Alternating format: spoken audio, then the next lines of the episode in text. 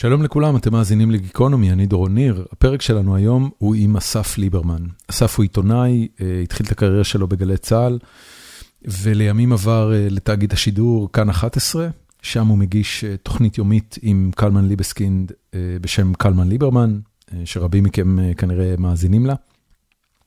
בנוסף לזה, הוא מגיש ויוצר ביחד עם עוד הרבה אנשים את תוכנית התחקירים זמן אמת, ו...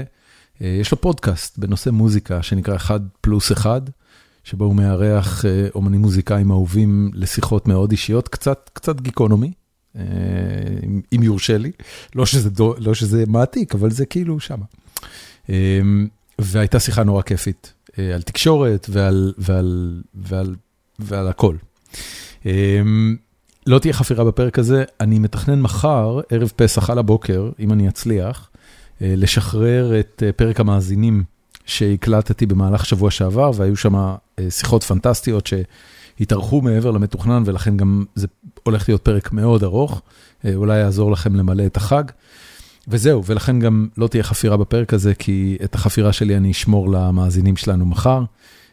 בכל מקרה, בינתיים, שתהיה לכם האזנה נעימה, פרק 705 עם אסף ליברמן.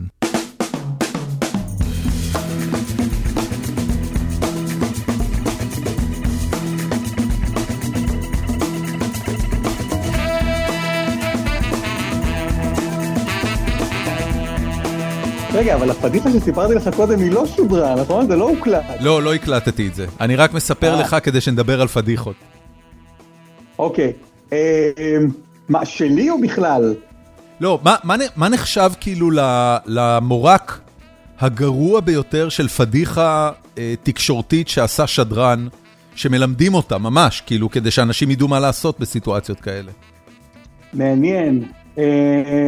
זה לחשוב על משהו מסוים, תראה, יש, יש כל מיני, זוכר כשהייתי בגל"צ, אז מלמדים כל מיני מבזקי חדשות, מהדורות חדשות, שבהם לקריין או לקריינית לא היה מושג איך מבטאים את השמות שהוא או היא היו אמורים להקריא. אוקיי, זאת אומרת... אני זוכר מהדורת חדשות, אני זוכר מהדורת חדשות, שקריינית, אה, היום קריינית חשובה, הקריאה תוצאות של משחקי NBA, ולא היה לה מושג ירוק, מה זה דטרויט פייסטונס? זה קצת הזכיר... סקוטי פייפן. כן, בדיעבד אני חושב זה קצת דומה ל grand miser של בצלאל סמוטריץ'. וואי, תקשיב, אני רוצה לספר לך משהו, ההורים שלי בדיוק באו לבקר פה באוסטין אצלנו, ואבא שלי סיפר לי משהו שלא ידעתי, שהביטוי miser הוא כינוי גנאי ליהודי קמצן. זאת אומרת, בשיבוש הלשוני הזה של סמוטריץ', שהוא אמר my grand miser, miser זה דבר אמיתי. זה, זה כמו, זה כמו שיילוק, זה כמו ש... זה כאילו משתמשים בזה בשיחה באמריקאים, משתמשים בזה כמו שיילוק, זה ביטוי אנטישמי של יהודי קמצן וחסכן. גדול. ממש כאילו נפלט לו, איזה קטע מעולה. יצא לו מדהים. אז כן, אני בטוח שהוא עד היום נהנה מהפידבקים. אז, אז אתה אומר, פדיחות, מלמדים אתכם בכלל? כאילו בשלב שלמדת להיות עיתונאי, מלמדים אתכם להימנע מפדיחות בשידור? זה נושא שמתעסקים בו? לא, פדיחות, אתה יודע, איך, איך לבוא מוכן לשידור, מה לעשות, מה לא לעשות. אז מה, זה היה מזמן, אני לצערי... אבל היום אתה מלמד סטודנטים, לא? כן. מתעסקים בזה? כן. הפדיחות פחות מעניינות, אני חושב. יותר מעניין, כאילו, אתה יודע, אני מדבר עם סטודנטים על להגיע הכי מוכן שאתה יכול למטלה, למשימה. אוקיי. Okay. כלומר, למשל, מרואיין, אז uh, תגיע הכי מוכן שאפשר. אני לא כל כך מתעסק בקריינות חדשות או משהו, כי זה פחות מעניין היום, אבל אתה יודע, אתה מגיע לראיון, תגיע הכי מוכן שאתה יכול, תדע כל מה שאתה יכול על האיש שאתה הולך לדבר איתו. אני בגיקונומי לא יוצא לי לראיין אנשים שאני לא אוהב, כי אם אני לא אוהב את הבן אדם, אז אני, אני מראש לא פונה אליו ולא שואל אם הוא רוצה להתראיין. אבל אתה ו- וקלמן בתוכנית הבוקר שלכם, קלמן ליבסקינד, אתם מראיינים הרבה מאוד אנשים שאני מניח שהדיון, שה- שהראיון מראש, הוא ראיון מתוח. זאת אומרת, אתם רוצים להוציא מהם מהצד השני אמירות, והצד השני בונקר, הצד השני רוצה להגיד את מה שהוא בא לו להגיד ולא לתת לך כלום. נכון. איזה, איזה טכניקות או איזה טקטיקות של ראיון יש שמאפשרות לך להתגבר על מרואיינים קשים כאלה? תראה, אני, קודם כל אני חושב שהראיון עם פוליטיקאי, המוסד הזה של ראיון עם פוליטיקאי עבר קצת שינוי, לא קצת, עבר שינוי לאורך השנים. אני זוכר כשהתחלתי את אה, דרכי העיתונאית אה, ברדיו. מתי זה היה? התגייסתי לגלי צה"ל בעצם ביולי 2003. אוקיי. אמ, הכל היה חול, לא, לא היה לנו כלום בעצם. כן. לא, הפלטפורמה של הראיון הייתה, לא היה טוויטר ופייסבוק, ובעצם פוליטיקאים עלו לשידור בין היתר כדי להגיד דברים, כלומר כדי לתת כותרות. נגיד, ידעת שאם אתה מראיין את אה, ראש הממשלה, אז ראש הממשלה, קודם כל זו הייתה תקופה שקצת ראשי הממשלה עוד באמת עלו לשידור. עלו לראיון, כדי, כן. כדי להתראיין, אבל, כלומר, היה להם, היה להם, כלומר, יכולת להיאבק על כותרת. כלומר, בוא תעלה אליי, אני אשאל אותך כל מיני דברים. מה אתה חושב על uh, מבקשי המקלט בדרום תל אביב? מה אתה חושב על uh, שלום עם הפלסטינים? מה אתה חושב על uh, מס על דירה שלישית? ורצית שהפוליטיקאי ייתן את הכותרת אצלך. היום עם ריבוי הפלטפורמות זה לא מעניין, כלומר, מה שאתה עושה בזמן הזה זה לא באמת לחלץ מידע, לחלץ איזה כותרת. היום מה שקלמן ואני עושים בעיקר זה לאתגר את הפוליטיקאים, כלומר, לנסות uh, לחלץ, לזקק איזו אמת, לחלץ איזו אמת מהם על ידי סוג מסוים, לא יודע אם קלאש, אבל סוג מסוים של, uh, של עימות, של אתגור. ואז גם הרעיונות הם, הם יותר ארוכים, וגם אני לא, אני לא מחפש כותרות ממנו, הכותרת זה בעצם הדיאלוג בינינו לבינו, או בינה. אמ, אם אתה, אם אתה לא מחפש כותרת, אני, אני מבין מאוד את הקונספט של ראיון לטובת כותרת, שהוא באמת היה, אמ, אמ, אתה יודע, מטרת העל של מראיין אה, בשנים ההם, 20 שנה אחורה, אבל כשאתה היום עולה לראיון עם מישהו, הרי, הרי בסוף אתה, אתה חושב כמו איש תקשורת, מה זה אומר? זה אומר שאתה עולה לראיון ואתה יודע שהראיון הזה, אם כבר יש בו איזשהו ערך משתייר, הוא ב sound bite, הוא בדבר שיהפוך אחרי זה לקליפ ויראלי ברשתות חברתיות.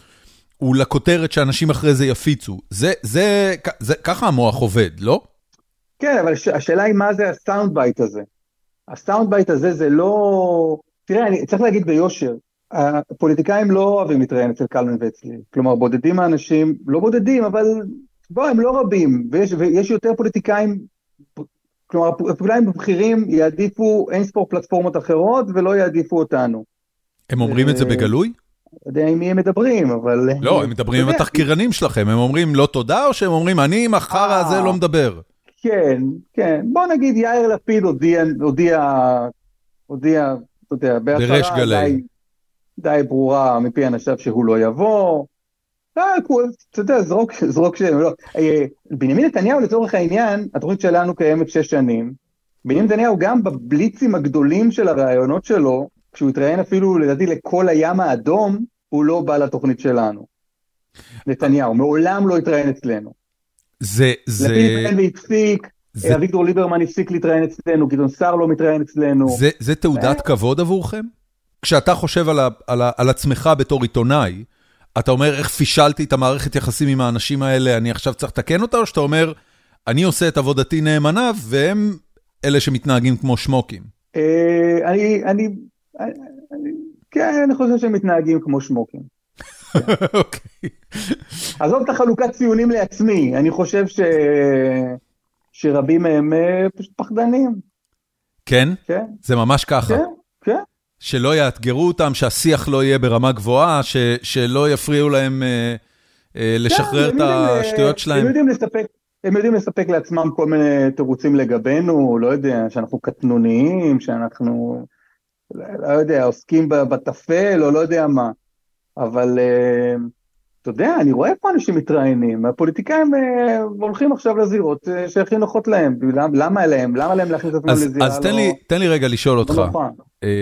הרי בסופו של דבר אתה, אתה, אתה מבין את המשחק של התקשורת, שהוא מתח מאוד עדין בין לייצר ערך לבין לייצר רייטינג. מנסים שזה כמה שיותר יהיה אותו דבר, אבל לא תמיד זה מצליח. במערכת השיקולים של להתחנף לפוליטיקאים כדי שנתניהו ולפיד יתראיינו אצלך ויהיה לך יותר רייטינג, לבין לאתגר אותם ולאבד את מערכות היחסים איתם ושהם לא יבואו יותר, זה, זה החלטה נבונה אה, אה, לאתגר אותם? לא יודע. אני לא יודע. אתה לא מתעסק אז... בזה? לא, לא מתעסק בזה. לא. אני, אני חייב לעשות את העבודה שלי. אני חייב ש... אני חייב ש... כש, כשאם... אוקיי, יודע, עזוב אותך, אני... העורך שלך, הקובלנס שלך, לא, לא מדבר איתך על זה? לא אומר, תקשיב, בוא, בסוף אף אחד לא ירצה להתראיין. תראה, העורך שלנו, איתמר דרוקמן, הוא בחור פנטסטי, בעיניי אה, עבדתי עם הרבה עורכים, זה עורך, אה, עורך הרדיו הטוב בישראל. אה, אני אוהב אותו מאוד, ואני חושב שבתחילת הדרך המשותפת שלנו, הוא תלה שערות, נראה לי, והוא אמר, חבר'ה, אתם חייבים להיות קצת יותר נחמדים לאנשים האלה, כי הם לא קיימים. כן.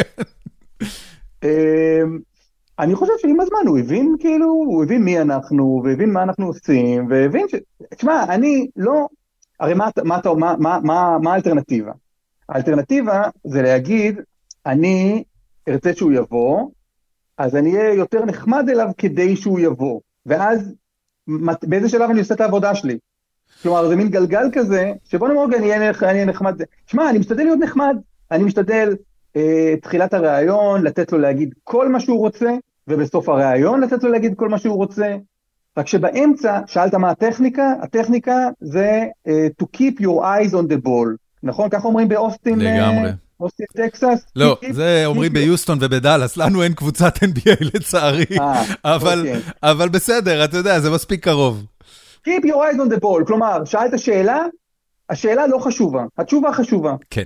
אני, אתה יודע, בתחילת דרכי עיתונאית, בתחילת דרכי כמראיין, הייתי כותב לעצמי הרבה מאוד שאלות על הדף. ושמתי לב שכשאתה כותב לעצמך שאלות, מה שאתה לא, אתה כותב, אתה מתאהב בזה. ואז אמרתי, עזוב, עזוב אותי מהשאלות, השאלות לא מעניינות, שאלות לא חשובות. אני שאלתי שאלה, אני רוצה לקבל תשובה. זה הסיפור. ותעקוב אחרי הכדור, כדור שזרקת אותו, תוודא שבאמת קיבלת את ה... אני לא יודע, אני גרוע בבייסבול, אבל ת, תוודא שזה מגיע לאנשהו. כן. שאלת שאלה, אתה רוצה לקבל תשובה, התשובה חשובה, השאלה לא חשובה. זה הטכניקה. אני שאלתי שאלה, אני רק רוצה לוודא שאדוני משיב על השאלה. כמה קשה להוציא תשובה ממרואיינים היום? תלוי ממי. תלוי ממי. את מי תענוג לראיין? בצלאל סמוטריץ'. באמת? כן. כי הוא לא דופק חשבון לאף אחד? אה, כי אני, שוב, האמת, אה, אה, בוא נגיד סמוטריץ' המוקדם, אני חושב שהוא קצת... כן, הוא הולך, ו... הוא הולך ומתבגר. מתמסך. אה, אני, אני זוכר את הריאיון שבו, אתה יודע, שמעתי אותו אומר באיזה צאת שבת באיזה שיעור תורה או משהו שהוא שואף, אה, שהוא שואף להחזיר את אה, מדינת ישראל ימיה למשפט העברי, למשפט התורה. ו... כן, לכונן את הסנהדרין. ושוב, וכאילו היה לי חשוב בבוקר שאחרי, רגע לנעוץ את זה, תסביר, אתה, אתה באמת, אתה רוצה את משפט התורה? ואז היה איזה, אתה יודע, יצא מזה המשפט שכולם זוכרים ממנו, כן, אה, אה, לא זוכר איזה, אתה מבין, אני אמרתי כולם זוכרים ואני לא זוכר. אה, מלכות דוד המלך ומלכות שלמה המלך, לחזור לתקופה ההיא, זה נשאר. כן. אתה חושב שהוא עדיין שם? היה, לא הסתובב איזה sound bite בשבועות האחרונים מאיזה פודקאסט שהוא עשה, והוא דיבר על זה שכרגע עוד אין לנו סנהדרין, אבל המטרה היא בסופו של דבר לכונן סנהדרין. זאת אומרת, כנסת ישראל היא מוסד זמני, אמ, במשתמע ממה שהוא אמר. אה, כן. אני, אתה יודע, אני, אני תוהה בסיטואציה כזאת, כשאתה עולה לראיין את סמוטריץ', ואגב, גם שמחה רוטמן, גם כל אלה, אני, אני, אני כל הזמן אומר לעצמי, למה לא שואלים, תגיד, איך אתה רואה את מדינת ישראל בעוד 20 שנה מהיום? ואז הבן אדם מתחיל להפליג בפנטזיות שלו, על ה, על הסנהדרין שיחונן, ובית המקדש השלישי שייבנה, וכל... אה, זה, זה, זה באמת משהו שאי אפשר לשאול אותו? לא ראיתי אף לא, מראיין שואל את זה. כן, כי זו שאלה מסוכנת. למה כי... היא מסוכנת? למי היא מסוכנת? השאלה היא מסוכנת לך כמראיין.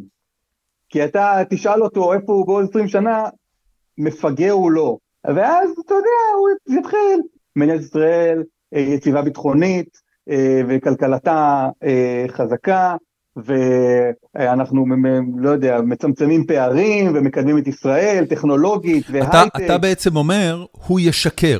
לא הוא ישקר, הוא יגיד את מה שהוא רצה להגיד, את מה שהוא בא להגיד. שאלות פתוחות מדי הן בעייתיות. מעניין. אני, אני, אני, תקשיב, בעיניי יש ערך עצום בזה שמנהיג, לא משנה של איזה ציבור, ישטח בפני גם הציבור שלו וגם יתר הציבורים, את החזון שלו למדינת ישראל. אם החזון של, של uh, סמוטריץ' הוא אומת הייטק, דמוקרטיה ליברלית, טוב שהוא יגיד את זה. טוב שהוא יגיד את זה גם כן. כדי שהציבור שלו ידע. אתה יודע, יש, יש ערך במילה שיוצאת לבן אדם מהפה, לא? חד משמעית. אוקיי. חד משמעית, אבל אז אתה תגיד לי הוא משקר, כלומר... אני לא אגיד שהוא משקר, אני אגיד זה מה שהוא אמר. כן. זה מה שהוא אמר. כן. תראה, חלק גדול הרי יש עכשיו, אני לא יודע, אתה אתה מסתובב בהפגנות? זה נושא שמעסיק אותך? אני לא מסתובב בהפגנות, אבל זה מן הסתם נושא שמעסיק אותי. אוקיי. חלק מאוד מאוד גדול ממה שקורה כרגע במדינת ישראל, נעוץ בחוסר אמון מאוד גדול. וחוסר האמון הוא שציבור אחד בא ואומר, אתם הולכים לדיקטטורה אה, אה, תיאוקרטית משיחית, והצד השני אומר, אנחנו רוצים לשפר את הדמוקרטיה ולהחזיר מחדש את האיזון שהופר ב... לא יודע מה, ב-95, whatever. 2005, אה, לא לא זוכר מתי זה היה אפילו. 95. אמ, אז אז, אז בחוסר האמון הזה, חלק מהדרך לפרק אותו היא שמנהיגים מהציבור שלכאורה טוען שהם הולכים להגביר את הדמוקרטיה, יציגו תוכנית שהיא מעבר רק להוצאה לפועל של הרפורמה. שיגידו, תקשיבו, זה הרפורמה, אנחנו מתכננים לעשות זה עכשיו, אבל יומיים אחרי זה, הנה מה שאנחנו רוצים לעשות, שלושה ימים אחרי זה. כל מה שיש לנו זה את הצעות החוק המטומטמות, ש, ש, שבוודאות הולכות להגביר שחיתות, הולכות, זאת אומרת, כשאתה מסתכל על זה, זה לא מסתכם. אם שמחה רוטמן חושב שהרפורמה שלו הולכת להוביל ליותר דמוקרטיה ולא ל, אה, ל, למדינה פוריטנית, שראיתי עכשיו שמסתובב איזה פוסט שלו דוגל בפוריטניות, אז שיבוא ויגיד את זה, לא? תן דוגמה לשאלה, אני אענה, אני אהיה שמחה רוטמן, בסדר? אדון שמחה רוטמן, כל הכבוד על הרפורמה המשפטית. יש לנו חילוקי דעות על אם היא תשיג את uh, מטרתה, אבל כל הכבוד עליה. נניח שהוצאת אותה לפועל, אוקיי? ונניח שאנחנו רצים על ציר הזמן הזה, הממשלה מכלה את חייה uh, ארבע שנים מהיום, הולכת לבחירות. מה אתה חושב המדינה, איך אתה חושב המדינה תיראה באותה נקודת זמן? מה יהיה מצב זכויות האדם? מה יהיה מצב הסכסוך שלנו עם הפלסטינים? מה יהיה מצב הכלכלה וההייטק? אנחנו לא באים לפגוע לאף אחד בזכויות האדם, להפך, אני... כן, אבל מה אתם כן מתכוונים? לא מה אתם לא מתכוונים, מה אתם כן מתכוונים? מה אתה רוצה שיקרה? אני רוצה שאזרחי ישראל, הפתח שלהם בקלפי יהיה שווה משהו. ואנשים שהולכים לקלפי... אתה מורח אותי בסיסמאות, אתה מבין את זה הרי. כן, אתה מורח אותי בסיסמאות. אחרי שהעברת את הרפורמה, ואחרי שבית המשפט העליון הוא כבר... סביר והגיוני ולא אקטיביסטי ומופרע כמו שאתה טוען שהוא היום. ו, ואז אה, יש גם פסקת התגברות, אז אתה יכול להעביר חוקים שבית המשפט לא יכול לערער. מהם החוקים שאתה רוצה להעביר שייטיבו עם חייהם של רוב תושבי מדינת ישראל? אני חושב שהרפורמה הזו זה הדבר שייטיב עם אזרחי ישראל. הבנתי. אני... לא, אבל שאלתי על החוקים שיבואו אחר לא, כך. לא, דורון, דורון, דורון, דורון, הדבר הזה יבצר את הדמוקרטיה הישראלית. האזרחים ירגישו שהם חלק פעיל מתוך הדמוקרטיה הישראלית, מתוך המקום הזה. זה החוויה. אנחנו נמשיך לחזק את הביטחון הישראלי, את הביטחון של מדינת ישראל, נוכל להשתית יד לשכנותינו ולעשות שלום מתוך עוצמתה של ישראל. ההייטק ישתפר, הכל ישתפר. כן. אין לנו שום כוונה לשנות את פניה של המדינה, רק להרגיל, לתת לאזרחים אז, את אז אין לך שום, אין לך שום חוק אה, בקנה ש... שאתה מראש מכין את פסקת ההתגברות כדי שאי אפשר יהיה לבטל אותו בבית המשפט העליון? לא. אין שום חוק כזה. סתם צריך פסקת התגברות? להוריד, אתה אומר מה השלב הבא? להוריד חסמים ולהוריד רגולציה. הבנתי. ולהוציא מכאן את המסתננים ולהוציא את הגז מהאדמה, וכל זה מבלי שבית המשפט יפריע לנו. הבנתי. אורייט. טוב, ניצחת. קח, לך תעשה. לא, רק שתבין עם מה אני מתמודד, זה הכל. ככה זה ביומיום. אגב, לא, גם, אתה יודע, שמחה רוטמן כמשל, עכשיו, אתה יכול להאמין לו, ואתה יכול גם לא להאמין לו. זו, זו הבחירה שלך, מה הבעיה? אני, אני, אני לא מאוד מתקשה, כן. אתה יודע, המפגינים ברחוב, חושבים שזה לא ייגמר שם, בצדק או שלא בצדק. כן, כן, כן. אני מבין את זה, אתה יודע, מי שניתח את הסיפור הזה הכי טוב זה בצלאל סמוטריץ'. בפוסט אה, מאוד מעניין שלו, וגם לא כל כך ארוך יחסית לסמוטריץ', הוא אמר מתי נפל לו האסימון, אה, מה זה מחאת הטייסים, ומה זה, מה זה, מה זה מחאת המילואימניקים.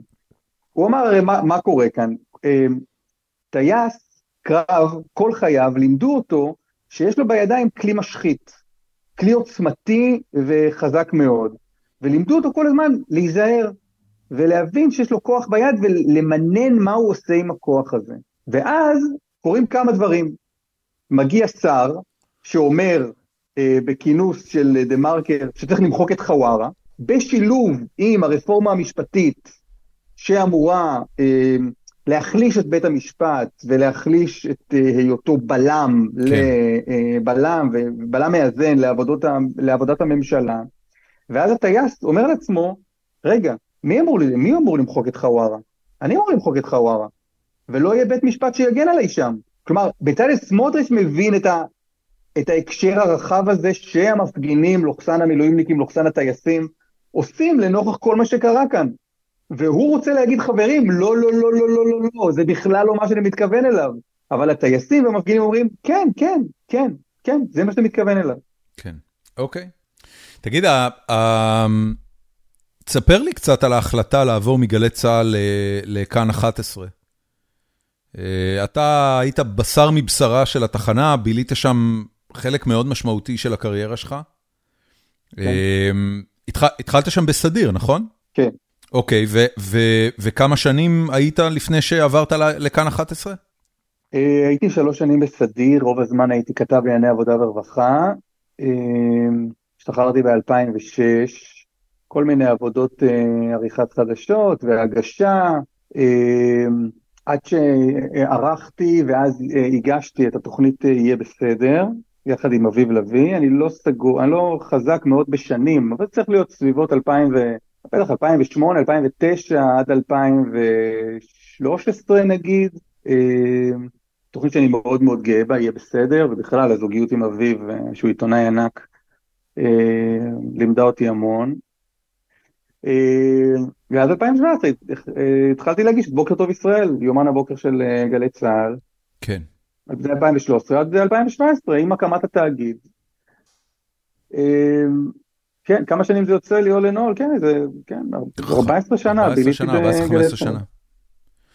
כן. איך התחנה השתנתה ב-15 שנה האלה? תראה, זו שאלה שקצת קשה לענות עליה, כי זה כמו ששואלים אותי איך בתאגיד, או איך האווירה בתאגיד. אתה יודע, בסוף, אה, בסוף זה גוף גדול, גל"צ פחות, התאגיד יותר, אבל אתה, אתה מאוד, אתה מאוד, אה, אתה מאוד עסוק במה שאתה עושה. אה, אתה יודע, אני יודע לך להגיד לך איך אני השתניתי לאורך השנים. אל תשאל את אוקיי. זה, כי אני לא יודע באמת לענות לך, אבל אני, כאילו, אתה יודע, אנשים מתעסקים בעצמם. אוקיי. איך התחנה השתנתה, אני אשאל אולי שאלה אחרת, כן. מהמקום הימני במוח שלי. אה, האם באיזושהי נקודה לאורך ה-15 שנה התעסקת עם עצמך בשאלה אם בכלל צה"ל צריך תחנת רדיו? בטח, ברור. אתה יודע, אפילו כתבתי איזה עבודה סמינריונית בתואר שלי בכלכלה. באמת? כן. ולאיזה מסקנה הגעת? תראה, כתבתי עבודה מן הסתם מתוך עמדה משוחדת שבה אני חושב שצריך את גלי צה"ל, אבל אני, התזה שלי תמיד לגבי גלי צה"ל אמרה, יש כשל שוק, שזה מה שהמרצה שלי לכלכלה אה, אהב לשמוע. יש, יש כשל שוק, צריך uh, לספק לציבור תקשורת uh, איכותית, כלומר שהיא מצד אחד נקייה מאינטרסים uh, כלכליים, מסחריים, מצד שני לא מסואבת ומושחתת בכל מיני אינטרסים של השלטון. כשאני הייתי בגלי צה"ל לא הייתה חלופה של שידור ציבורי כמו, ש... כמו שאלוהים מתכוון. מה, מה זה אומר? היה... הרי, רגע. בסוף אתה, אתה אה, בילית את רוב החיים המקצועיים שלך במערכות עיתונאיות. אה, זה מצד אחד יכול להיות אה, אינטרסים מסחריים של מי שמממן את התחנה, או של המפרסמים הגדולים של התחנה, ובמקרה של גלי צה"ל זה אינטרסים של הצבא. הצבא הוא גם גורם שמשפיע מאוד על המדיניות של הממשלה ועל ההתנהלות של המדינה. זאת אומרת, כן, אבל... אבל נוצר גם לגלי צה"ל יש פוזיציה. הפוזיציה היא צה"ל. שוב, כל עוד, אני, לא, זה לא קשור אליי, כן? אבל כשאני הייתי בגל"צ, לא הרגשת את הצבא בכלל. אני התעלמתי מהצבא. זאת אומרת, אם, לא אם, אם דובר צה"ל היה מוציא הודעה אה, מופרכת ומגוחכת, ומספק אותה לגלי צה"ל, לגלי צה"ל היה את המנדט ל, ל, לפקפק בהודעה של דובר צה"ל? חד משמעית. באמת? אתה זוכר מקרה שבו זה קרה? אני התייחסתי לעצמי כאילו אני ודובר צה"ל לא עובדים באותו מקום. אני התייחסתי לגל... לדובר צה"ל כמו שהיום אני מתייחס לדובר צה"ל. אין, אין, זה לא... אתה יודע, ו- הוא היה... הוא היה... הוא ו- גוף, וה- דובר וה- צה"ל, גוף, גוף חשוב בחברה הישראלית, אה, ואני מתייחס אליו כמו שאני מתייחס, ל, אתה יודע, לגוף חשוב, אה, דוברות חשוב בחברה הישראלית. האם אתה חושב שמהמקום שאתה נמצא היום אה, בכאן, אה, גם בתחקירים שאתה עושה, גם בראיונות שאתה עושה, אה, יש הבדל בין היכולת שלך להסתכל על צה"ל, לבקר אותו, את ההתנהלות שלו, את, אה, את התקציבים שלו, את בורות השומן שלו, את ההתנהלות של הגנרלים שלו, אה, בצורה שונה ממה שהיה כשהיית בגלי צה"ל. לא, לא היה שום אינסידנט שבו גנרל הרים טלפון עצבני למפקד התחנה, ומתוקף היותו גנרל באותו צבא של גלי צה"ל, אז uh, מעבירים ביקורת על משהו שקרה בתחנה? לא הגיע, לא הגיע אליי. אני אגיד לך מה כן הגיע אליי. אה, בצוק איתן, בצוק איתן, אה, הבנו שאנחנו הולכים ל... על ההתחלה היה ברור שהולכים פה עכשיו למשהו ממושך, לא ידענו עד כמה, ואני זוכר שהיה, קשה קצת לדבר על זה, אבל היה, כאילו בוא נגיד גל ההרוגים הראשון, כלומר היה היום הראשון למלחמה ונהרגו חיילים. כן. וכל היום בגלי צה"ל היה, לא, בכל התקשורת הישראלית, היה סוג של יום אבל. נהרגים חיילים, אז מסקרים כל הלוויה והלוויה, והולכים לבתי המשפחות, ושומעים את המשפחות, והיה כן. אווירה מאוד מאוד קשה. נוהל תקשורתי, אה, אה, כן. כן. ואני זוכר שמפקד גלי צה"ל דאז, ירון דקל, אה, מין קיבל איתותים מהצבא, אם אני מבין נכון את הדינמיקה, שזה פוגע במורל? ואז, מה? שזה פוגע במורל? שלהגיד, חברים, אם אנחנו הולכים למערכה ממושכת, אי אפשר עכשיו כל יום לעשות אה, יום הזיכרון. יום אבל, כן. יום אבל בשידורים. ואז הוא אמר, בואו בוא נעשה חשיבה רגע על הדבר הזה, אבל אתה יודע, הדינמיקה, הד- הדינמיקה של המציאות חזקה מהכל. אתה, אתה חלק מאיזה מארג תקשורתי, אתה יכול לשים לעצמך כל מיני כללים של מה אני עושה ומה אני לא עושה, ואני לא יודע, לא, לא רודף אחרי משפחות שכולות, ו... אתה יכול לעשות עם זה הרבה דברים, אבל בסוף זה לא יכול, זה לא יכול, מערכת עיתונאית שיש לה DNA עיתונאי, לא באמת יכולה עכשיו לקבל כל מיני אה, עצות והנחתות מלמעלה. שוב, וזה, זה, אגב, זה התערבו, כאילו, ההערות האלה של ירון בזמנו היו מן הסתם סופר לגיטימיות. אה, לא זוכר איזושהי התערבות, באמת, אני חייתי את חיי באופן מאוד... אה, הם, הם מאוד סופר, אסף. אני מקווה שאתה מבין שהן סופר לגיטימיות בקונטקסט של תחנה צבאית, אבל בקונטקסט של תחנה מסחרית, הן לא לגיטימיות בכלל. מה זאת אומרת, אתה, מש, אתה משנה את האופן שבו אתה מסקר את מותם של חיילים, כי אנחנו נכנסים לאירוע גדול. זה לא שיקול שלך. לא, אני חושב שזה אפילו לא הייתה הנחיה, אתה מבין? זה לא הייתה הנחיה. זה היה בואו בואו בואו תחשבו על זה, האם כל יום אתם תעשו עכשיו יום, אה, יום זיכרון בשידור? שאלה, לא יודע. אני, הזיכרון, אה, אני לא יודע אם אתה זוכר את זה, אבל בתקופת מלחמת לבנון, הייתי ילד אז, הייתי בן עשר, אה, היה פרקטיקה קבועה של להראות את שיקופית החללים בסוף כל מהדורת חדשות. בכל יום, אולי זה לא היה אפילו בסוף, אולי זה היה אפילו בסוף פתיחת מהדורת החדשות. היו מראים, כמו שמראים ביום הזיכרון בערוץ, שמתחלפים כל השמות, היו מראים, היום נהרגו זה וזה וזה וזה, נותנים את לא השם יודע, של... בימי, ש... בימי שגרה? כל, כאילו, מה זה בימי שגרה? ב, ב, בשנים ש, שישראל הייתה בלבנון, וכל, אה, אני מדבר איתך על אוקיי. 82 עד 80 ו... לא יודע מה, 5, 6, לא יודע באיזה שנה הפסיקו את? הנוהל הזה. אני בן, אני בן 50 השנה. מה? אה, כן, כן, כן. I've been around.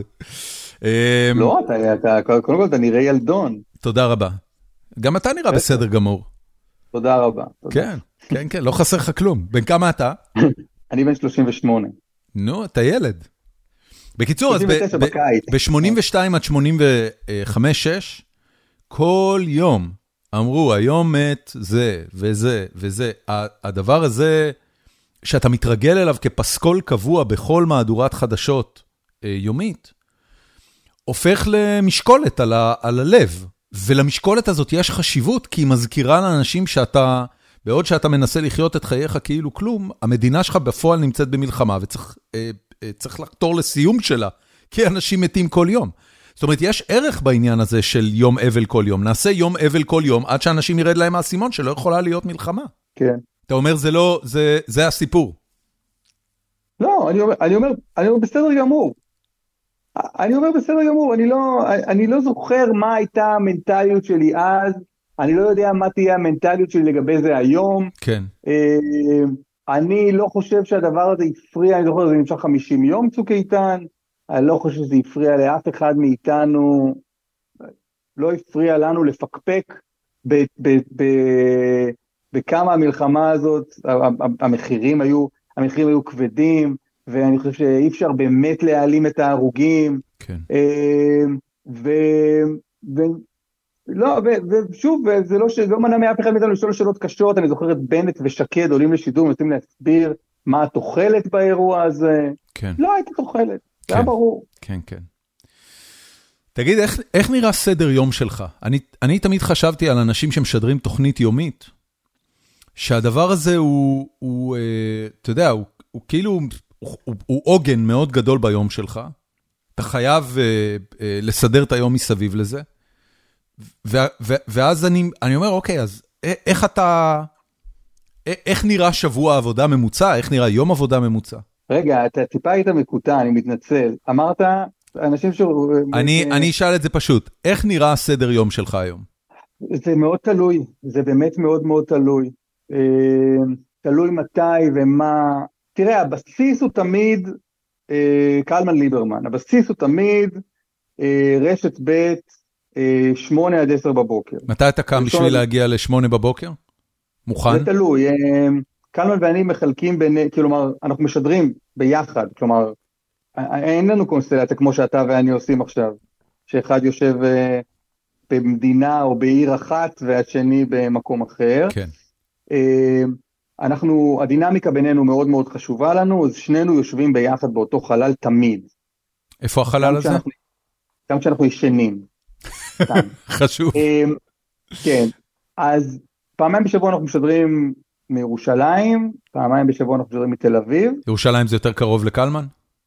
ירושלים יותר קרוב לכאן, הוא גם יש לו תוכנית שהוא משדר בשש בערב, מירושלים בכאן 11, אז במקום לטרטר אותו, ואני מן הסתם יותר נוח לי בתל אביב, אני גר בתל אביב, אז אה, פעמיים פה, פעמיים פה. אה, אני משתדל לקום בחמש בבוקר anyway, כלומר או שאני יוצא לרוץ בבוקר, או שאני קם וישר נוסע לירושלים. הבנתי. אוקיי, ואחרי שנגמרת התוכנית? אחרי שנגמרת זו יש כל מיני דברים, אה, אני מגיש הסכת אה, בפודקאסט בעברית שנקרא אחד פלוס אחד שאני מארח מוזיקאים, אז לפעמים יש הקלטות, אני מגיש תוכנית תחקירים כמובן, אה, זמן אמת, אם אני עובד על סרט לזמן אמת, ותמיד אתה עובד על סרט כלשהו, לפעמים כמה במקביל, אז יש לך מלא טלפונים ופגישות וצילומים, הזמן שלי יותר בידיי, אבל, אבל הכל מאוד מאוד אינטנסיבי, תמיד. מתי ימים ילדים, נגמרים? אז אתה יודע, יש ימים בשבוע שאני מוציא את הילדים מהגן ומבלה איתם, אין, אין רגע מתי דל. היום שלך נגמר בממוצע? אה, אני, אני, אני, אני קם מוקדם, אז אני לא הולך לישון אה, מאוד מאוחר, ואני גם משתדל תמיד לראות את הילדים שלי בערב באיזשהו שלב של היום.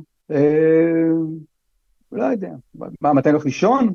משתדל עד 11 להיות במיטה.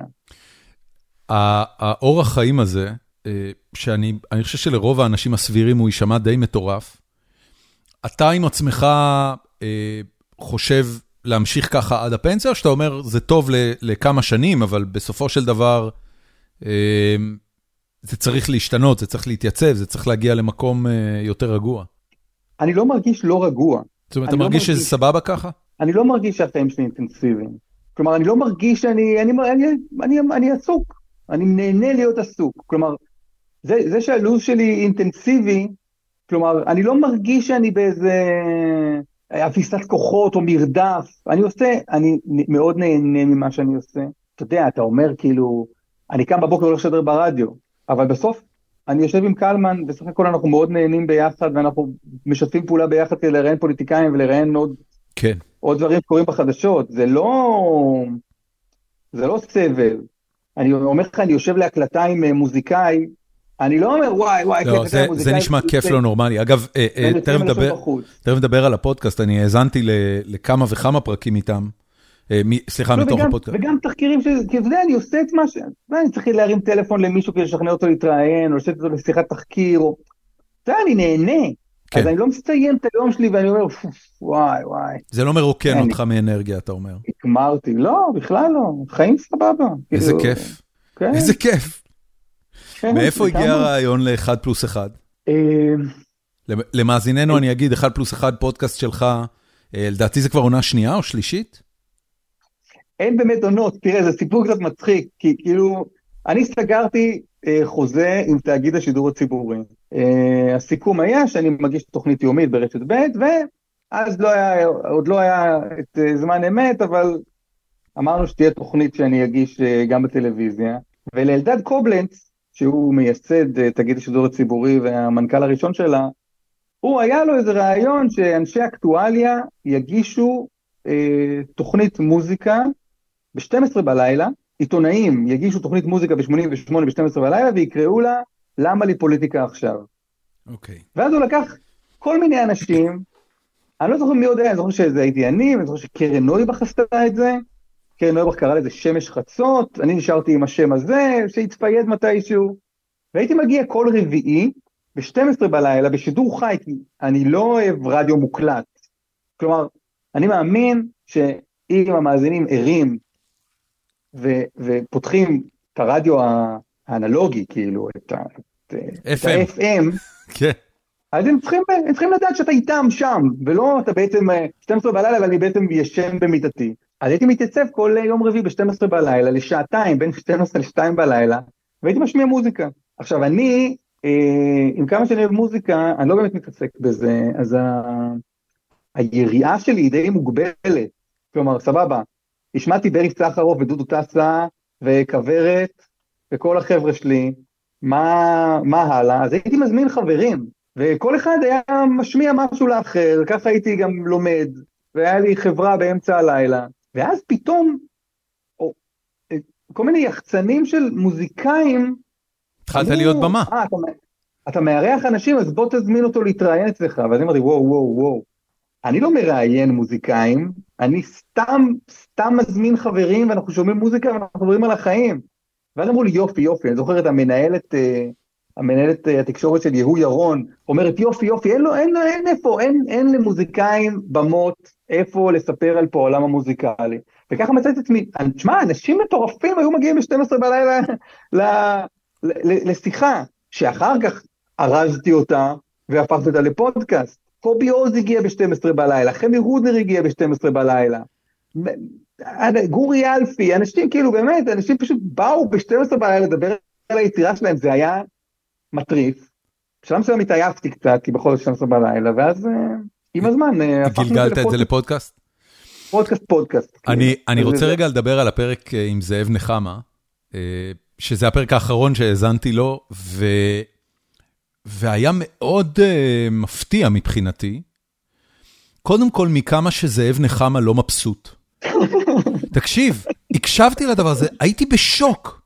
אני, אני בלי להגזים, זאב נחמה הוא אחד המוזיקאים הכי מצליחים בהיסטוריה של מדינת ישראל. אתה יודע, אה, פועלו, אם אתה לוקח בחשבון ש, שהוא ואתניקס גילו ביחד את אייל גולן, כנראה שה... אתה יודע, מוטת הכנף המוזיקלית שלו, מכסה יותר מכירות משלמה ארצי ויותר קיסריות משלמה ארצי, והוא נשמע כל כך כועס בפודקאסט. אני חושב שהמילה היא מצולק. מצולק, אוקיי. מצולק. כלומר, הרגע שהפתיע אותך, אני מניח, הוא גם הרגע שהפתיע אותי. ואגב, זה תמיד מגיע בסוף. תמיד אתה עובר איזה דרך, אתה עובר איזה דרך עם המרואיין שלך, כאילו מדשדשים בכל מיני דברים שצריך להגיד, או לא צריך להגיד, או... ואז אני מרגיש הרבה פעמים שהמרואיין, כשהוא מבין שה... ש... שנגמר, אז, הוא, אז, אני, אז כאילו המרואיין מרגיש שהוא צריך להגיד את הדבר הגדול שהוא לא אמר. ואז, אתה יודע, יש כל מיני שאלות, אני זוכר, עם זאב נחמה, כאילו מין, אני החלטתי שאני, יש לי שני topics לשיחות. האחד זה תהליך היצירה, שאגב, זה, זה נושא סופר רחב, מה זה תהליך יצירה? הכל זה יצירה, כלומר כל דבר שכתבת עליו בשיר הוא יצירה. נכון. אז אם כתבת על הגירושים שלך, אז בוא נדבר על הגירושים שלך, כי זה בשיר. והדבר השני זה מה, שה... זה מה שהאומן רוצה לדבר עליו. אם האומן פתאום, אה, לא יודע, מתעניין בבייסבול, לא יודע איך חזרנו שוב לבייסבול, ורוצה לדבר על זה, אז סבבה, בוא נדבר על בייסבול, אין בעיה, אני לשירותך פה. ולזה לך מעין ילדים. ואני אמרתי לעצמי, זה רלוונטי? כלומר, זה לא קשור לתהליך יצירה, לא, לא יודע אם הוא רוצה לדבר על זה. אז לשאול אותו למה אין לו ילדים? כאילו, כאילו שמעתי כל מיני, כל מיני תשובות קצת רפות, שכאילו לא בדיוק הבנתי מה, מה עובר עליו שם, אמרתי לעצמי, אוקיי, טוב, אני לא נוגע בזה. כי, לא יודע, לא, זה לא תוכנית רכילות. ואז דרך, דרך שיר שהוא כתב על אימא שלו, שנפטרה, הגענו לדבר על זה שאין לו ילדים. עכשיו, זה ממש כבר הסוף, גם היחצן שלו כבר רצה, עשה לי כזה, תחתוך, די, הוא צריך כבר ללכת הביתה, או ללכת לאנשהו, ואז אני אומר לו, תגיד, אבל סתם, במילה, למה אין לך ילדים בגלל שההורים שלך נתנו לך כל כך הרבה, ואתה לא יכולת... ואז הוא אמר, אחי, מי רוצה, מי רוצה להביא ילדים לעולם כזה? ואני כזה, רגע, רגע, מה? כן. אז הוא אומר, כן, זה עולם שטחי ורדוד ורע, ואיזה דברים אני עברתי, ואיזה צלקות יש לי. ואיך רמסו אותי, ומה עשו לי, וכמה לעגו לי. ואז זה היה כזה, במחשבה שלי הראשונית היה טוב, אוקיי, בואו נמחק את כל מה שהקלטנו עד עכשיו, עכשיו מתחיל הפרק, בואו בוא נתחיל מפה. כן. ואז גם הוא הגיע לדבר על אנרכיזם ועל כל מיני אמונות שלו, שמי ידע של האיש הבאמת שמח, שעושה את המוזיקה באמת הכי שמחה שיש, מי חשב שהמקומות האפלים האלה נמצאים שם. כש, כשרגע כזה קורה לך, אה, אתה יודע, משהו נפתח, האווירה משתנה בבת אחת בפרק. אה, אתה זוכר באיזושהי נקודה בקריירה שלך שהתחלת להיות מודע לרגע הזה? שאתה אומר, אוקיי, עד עכשיו זה היה, זה, זה התנהל באיזושהי רמה מסוימת של תקשורת אה, מקצועית, יחצנית, אה, כל אחד משחק את התפקיד שלו, ואז פתאום אתה אומר, אוקיי, shit got real. כי זה לא כן, לא משהו שכשאתה מתחיל לראיין אתה יודע אותו. כשאתה מתחיל לראיין אתה, אתה ניגש לזה כמו... אתה יודע, כמו חייל בקרב, אתה רץ עם הרובה שלך, יורה צרורות כן. ו... ורוצה לצאת מזה בחיים. תראה, כשאתה, כשאתה מראיין ומעלה מרואיינים בטלפון, נגיד סטייל, מה שקורה ברשת ב' או בגלי צה"ל, אז, אה, אז אתה לא באמת יכול לעבור איזה תהליך עם המרואיין. גם עם הרעיונות ארוכים, אנחנו עושים רעיונות די ארוכים, זה יכול להיות רעיון גם של 15 דקות, 20 דקות. זה כלום זמן, 15 דקות. נצח במונחים רדיופונים. כן. אמ, אתה לא באמת עובר, כלומר, אנשים יכולים להיות מאוד אמוציונליים ואתה יכול לגעת להם בנקודות, אבל, אבל זה לא, אתה יודע, הפרק האחרון שהקלטתי ועדיין לא עלה, כי פסח ועניינים, אה, עם שולי רנד, האווירה הייתה קצת אה, חשדנית נקרא לזה, בהתחלה, מצידו. כן. אה, נדמה לי שהוא פחד שאני אדבר איתו על פוליטיקה במהלך השיחה הזאת, ואני, הדבר האחרון שבא לדבר עליו עם מוזיקאים זה פוליטיקה. הוא אז... הוא לא לא חשש יותר לדבר, זאת אומרת, אני הייתי חושב במקרה של שולי רנד, דווקא על סיפור הנישואים שלו והגירושים שלו, שהיה עקוב מדם, זה זה נראה לי יותר uh, קשה לדבר עליו. דווקא פוליטיקה? כן, נראה לי הפוליטיקה, והוא גם לא, שוב, אני, הוא גם לא, הוא גם תהה אם אני הולך להיכנס פה עכשיו לחייו האישיים. עכשיו באמת, לא חייו האישיים מעניינים אותי, אלא אם כן זה מופיע ב, ביצירה שלו, ולא, ולא פוליטיקה מעניינת אותי, אלא אם היא מופיעה ביצירה שלו. ו... אבל עם הזמן, אתה יודע, עוברת שעה, אתה יושב עם שעה עם בן אדם, דברים uh, מפשירים וקורים שם דברים יפים. בריאיון רדיו, בטלפון, קשה, גם אין נוכחות, זה קשה לעבור איזשהו תהליך. נכון. זה כן היה קורה לי כשהייתי כתב, והייתי הולך עם המיקרופון שלי להקליט uh, כל מיני אנשים, זה היה כתב, הייתי כתב רווחה, אז נפגשתי עם הרבה אנשים ומלא מקומות בארץ, אז כן הרגשתי את זה. שאתה אומר, אוקיי, אם אתה רוצה באמת לעשות רעיון טוב ולא, ולהוציא אה, דברים טובים מהרעיון שלך, אז אתה צריך קצת ללכת בבוץ, כאילו, מה זה בבוץ? אתה צריך קצת, אתה צריך לעבוד ב, בהפשרת הקרח. כן. יש, אה, יש אה, עוד אה, מוזיקאים שהגיעו למקום כזה? שאתה אומר אחרי, אחרי שעה, שעה וחצי, פתאום מתחיל לצאת תשמע, כולם, אני חושב, במיוחד, כש, במיוחד כשהם היו באים אליי לאולפן ב, באמצע הלילה. כן, זה גם... אם אתה יושב עם מישהו, אם אתה יושב עם מישהו עד שתיים בלילה, אין, אין מה, אתה צריך להיות כאילו באמת אה, מטומטם, או איש שלא יודע לדבר עם אנשים. בוא, בן אדם יושב איתך בשתיים בלילה, הוא בא לדבר, הוא בא, שת, הוא בא לספר לך דברים. כן, כן, כן. כן. אה, ואני חושב אם כולם היו רגעים, אה, רגעים מאוד יפים. זה נורא מרגש, זה, לא... זה זכות גדולה נורא לראיין מוזיקאים שאתה אוהב. חבל על הזמן, אני, זה החלום שלי, אני אומר את זה, סתם, לא, גלעד כהנא, הייתי יושב, יושב עם טקסטים שלו, ומה, כבחור צעיר, כנער, מה, מה האיש רצה בזה, באלבומים הראשונים שלו? והנה הוא פה, איתי, ויכול לשאול אותו מה שאני רוצה. כן. הדבר הזה של לשאול בן אדם מה שאתה רוצה, זה זכות אדירה. כלומר, אני, אני, אני הרבה פעמים הייתי רוצה שהחיים שלי, עם המכרים שלי והחברים שלי והמשפחה שלי, היו לפעמים כמו, כמו תוכנית ראיונות. אתה לא, אתה לא מרגיש שבחיים אה, האמיתיים אפשר לייצר את זה? או, או זה קשה לייצר את זה? לא, אפשר לייצר את זה. אבל הרבה פעמים אנשים אומרים לי, אני זוכר שראיינתי את נחמה ריבלין. אוקיי. אה, נחמה ריבלין, זכרה לברכה, אשת... רעייתו אה, של רובי, הנשיא. אשת כן. הנשיא. וקיבלתי תגובות מאנשים מסביבה אחרי הראיון, שאמרו לי, היא אמרה דברים שלא ידעתי. סתם דוגמה, זה קורה הרבה אבל. כי בחיים שלך, בחיים של מאזיננו, אני מניח, יש אנשים שקרובים אליהם שהם, לא יודע, אף פעם לא עשו את זה, רגע חבר'ה, בואו, בואו רגע נסדיר את העניינים. אה, אבא, אתה ב-1960, מה בדיוק קרה שם כשהחלטת, לא, לא, תמיד, לא תמיד יוצא לנו, גם עם נכון. אנשים שהם קרובים אלינו. נכון. והנה, לי ניתנה הזדמנות לשבת עם הבן אדם, אני מת על זה, שהתפקיד שלי עכשיו זה לנבור בחייך ובמה שמעניין אותי. זה, זה מגרש משחקים שהוא פשוט תענוג. באמת, מרגיש כמו ילד בחנות ממתקים, תן לי רק את הדבר הזה. ספר, ספר לי, אני... יושבים כמו, אתה יודע, ברי סחרוב ושולי רנד, וכל החבר'ה האלה יושבים מולי ואני יכול לשאול אותם מה שאני רוצה, איזה כיף לי. כן. אה, באיזה בית גדלת ש, ש, שצמחת להיות איש תקשורת? אה, על השאלה הראשונה אני יודע לענות, על השאלה השנייה אני לא יודע לענות. אין אנשי תקשורת, זה לא, לא הוסללת לזה בשום צורה. לא. אוקיי. לא. אני כן זוכר שבשנת 92, 1992, הייתה מערכת בחירות. נכון. אני הייתי בן שמונה. ישראל ו... מחכה לרבין. נכון, יצחק רבין התמודד מול יצחק שמיר. כן. ואני, ילד בן שמונה, הלכתי לשאול את אבא שלי, אבא, בעד מי אנחנו? ואבא אמר שאנחנו בעד רבין.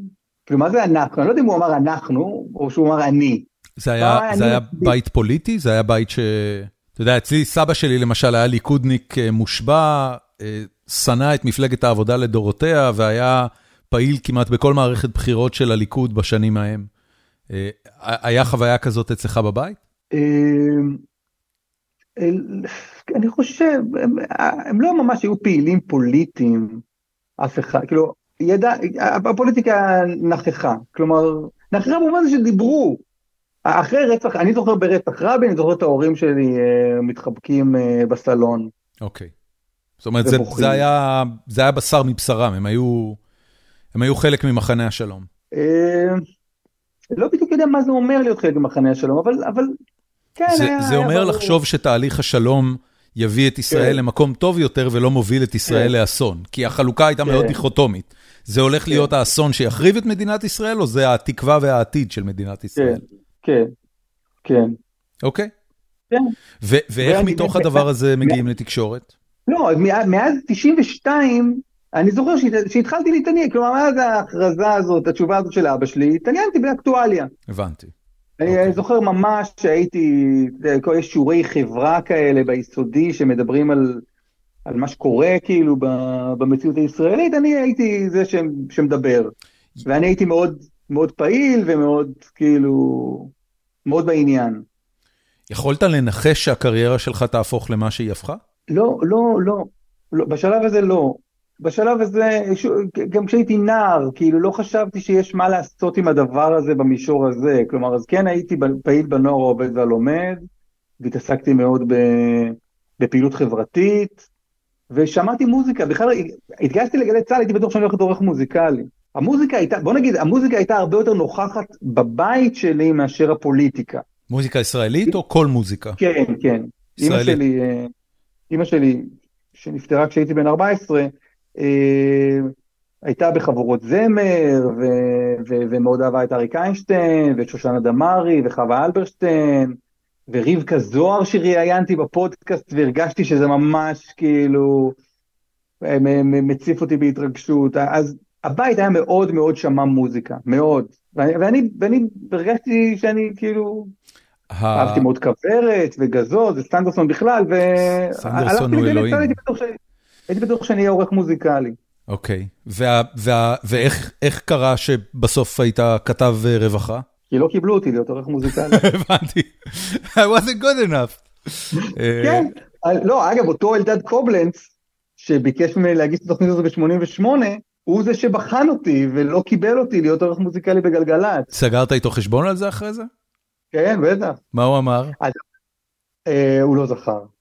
הוא לא זכר אותי, הוא לא זכר אותי, זה הרבה אוקיי. יותר מעליב מהכל.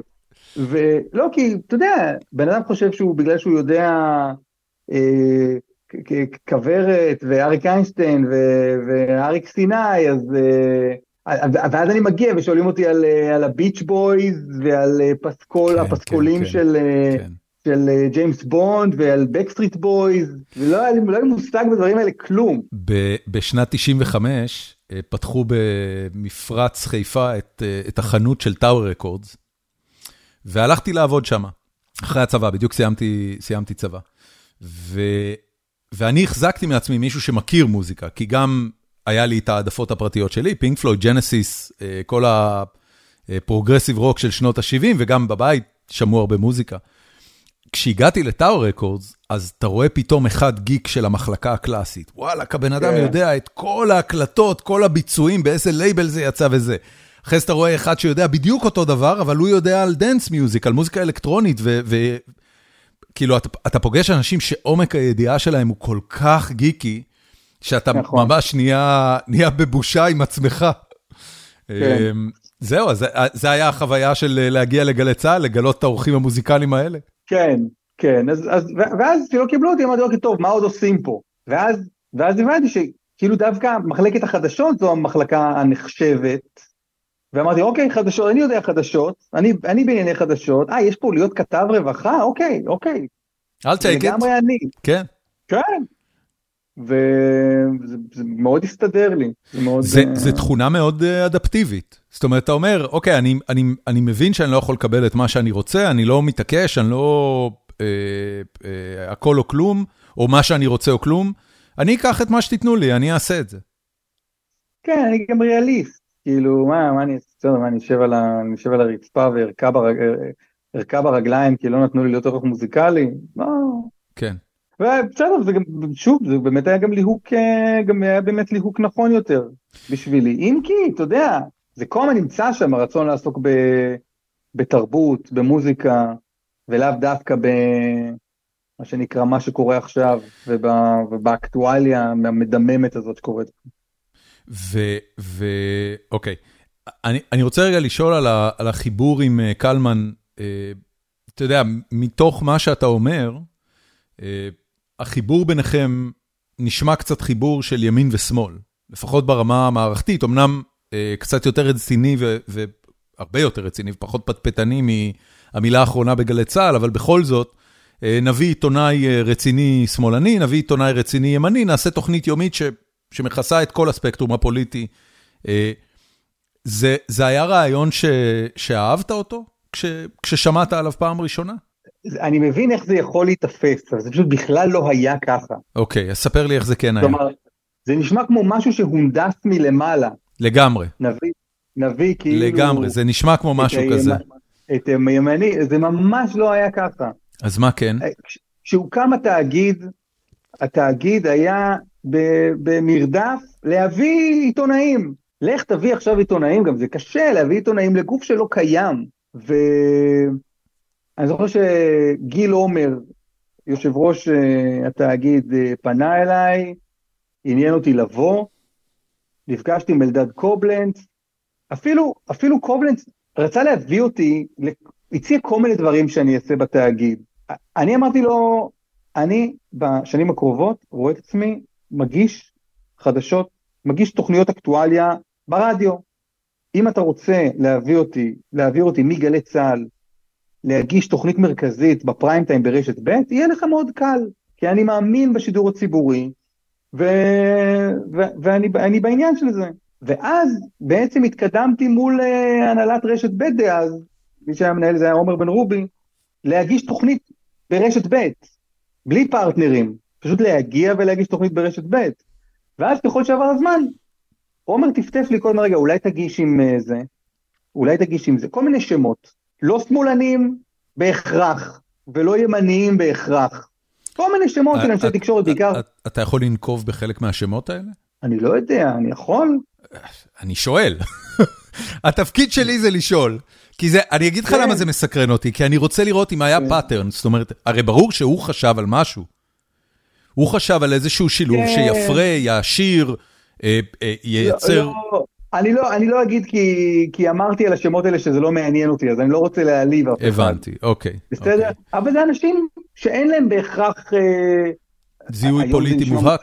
מה? כן, היום זה נשמע מוזר, כי לכולם יש זיהוי פוליטי מובהק. לכולם יש. כן, אבל לא, אלה היו אנשים מאוד מיינסטרים, שלא הייתי יכול להגיד, אה, אולי אחת מהן כן, אבל...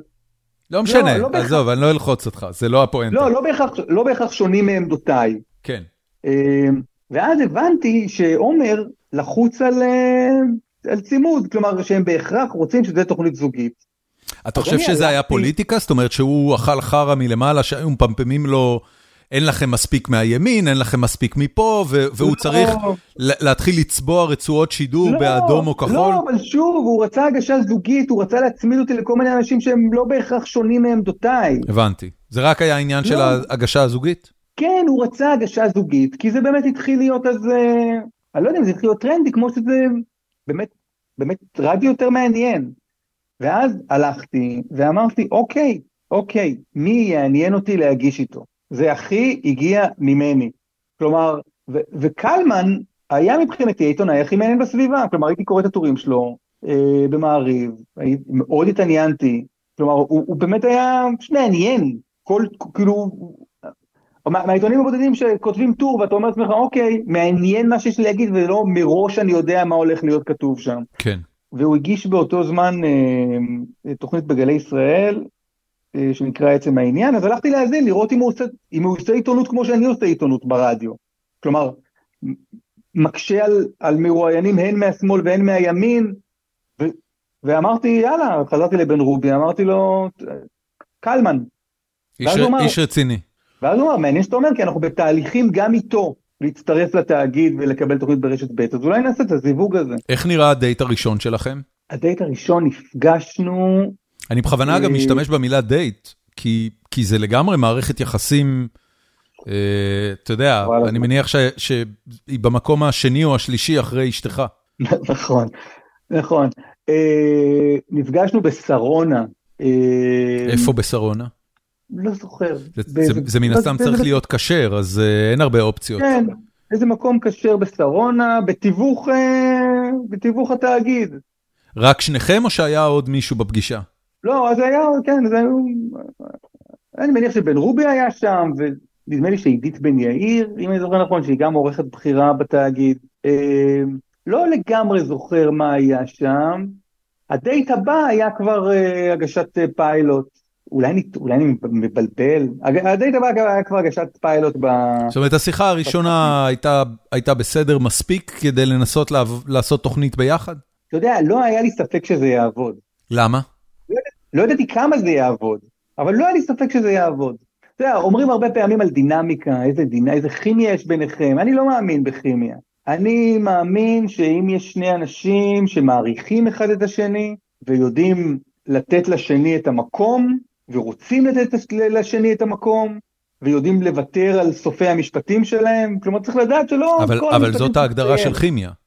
זאת אומרת, כשמישהו אומר על, על מערכת יחסים שיש שם כימיה, הם מתכוונים למשהו שדומה למודל של איך אטומים מתחברים למולקולות בכימיה. זה בדיוק זה. כן, אבל זה נשמע, כשאומרים כימיה זה נשמע... אמורפי? כאילו, מש, כאילו משהו קוסמי. אה, אוקיי. לא, זה לא. אני, כימיה זה מדע. חושב, זה כמו, זה כמו ערך פרום באומנות האהבה, שהוא אמר, כל שני אנשים יכולים לאהוב אחד את השני, אם הם רק רוצים. אני משטיח פה לגמרי את, ה, את הפילוסופיה, אבל אם שני אנשים רוצים לשדר ביחד, זה לא שמשהו בכרומוזומים שלהם צריך להתאים, משהו בתאים שלהם צריך להתאים אחד לשני, הם צריכים לרצות ולהעריך מאוד את האיש השני. כן. ואני גאה לחלוק במה עם קלמן ליבסקין, שהוא עיתונאי ענק, ו... ו... והנה זה עובד. ואני לא ב... להסתפק שזה יעבוד, כי לא ידעתי עד כמה. ב... אתה יודע, קלמן אה, הוא, הוא אה, עיתונאי ימני במובהק, וחוטף המון המון ביקורת על, על הביקורת שלו אה, בנושאים שונים. יש נקודות שכבר... אני אמור לעצור אותך עכשיו, אתה יודע, אני אמור רגע לעצור אותך על ההגדרה הזאת של עיתונאי ימני. אני חושב שזו הגדרה לא... למה? לא הוגנת. למה? כי אני, כי, אתה, כי אני לא שומע הרבה אנשים אומרים עיתונאי שמאלני. אני חושב שיש לגמרי עיתונאי שמאלני. תראה, בוא, בוא רק נעשה אליינמנט, נעשה אישור קו רגע על הגדרות.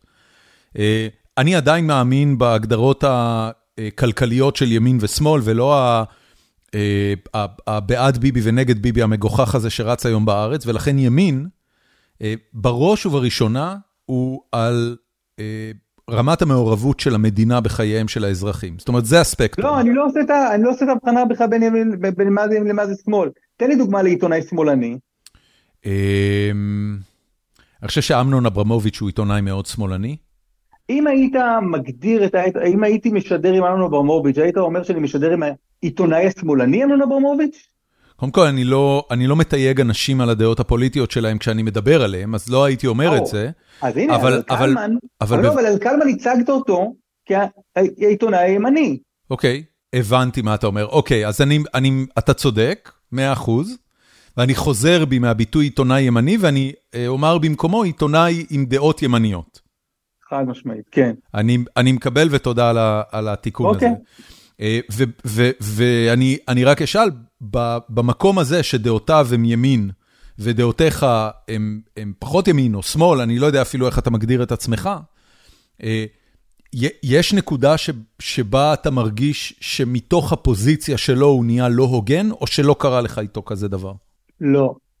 הוא באמת איש מאוד הוגן, הוא באמת עיתונאי מאוד הוגן. זאת אומרת, אתה לא מרגיש אצלו בכלל פוזיציה. לא, ברור שיש פוזיציה. אוקיי. Okay. ברור שיש פוזיציה, אבל גם לי יש פוזיציה. אוקיי. Okay. אני חושב שקלמן, אבל...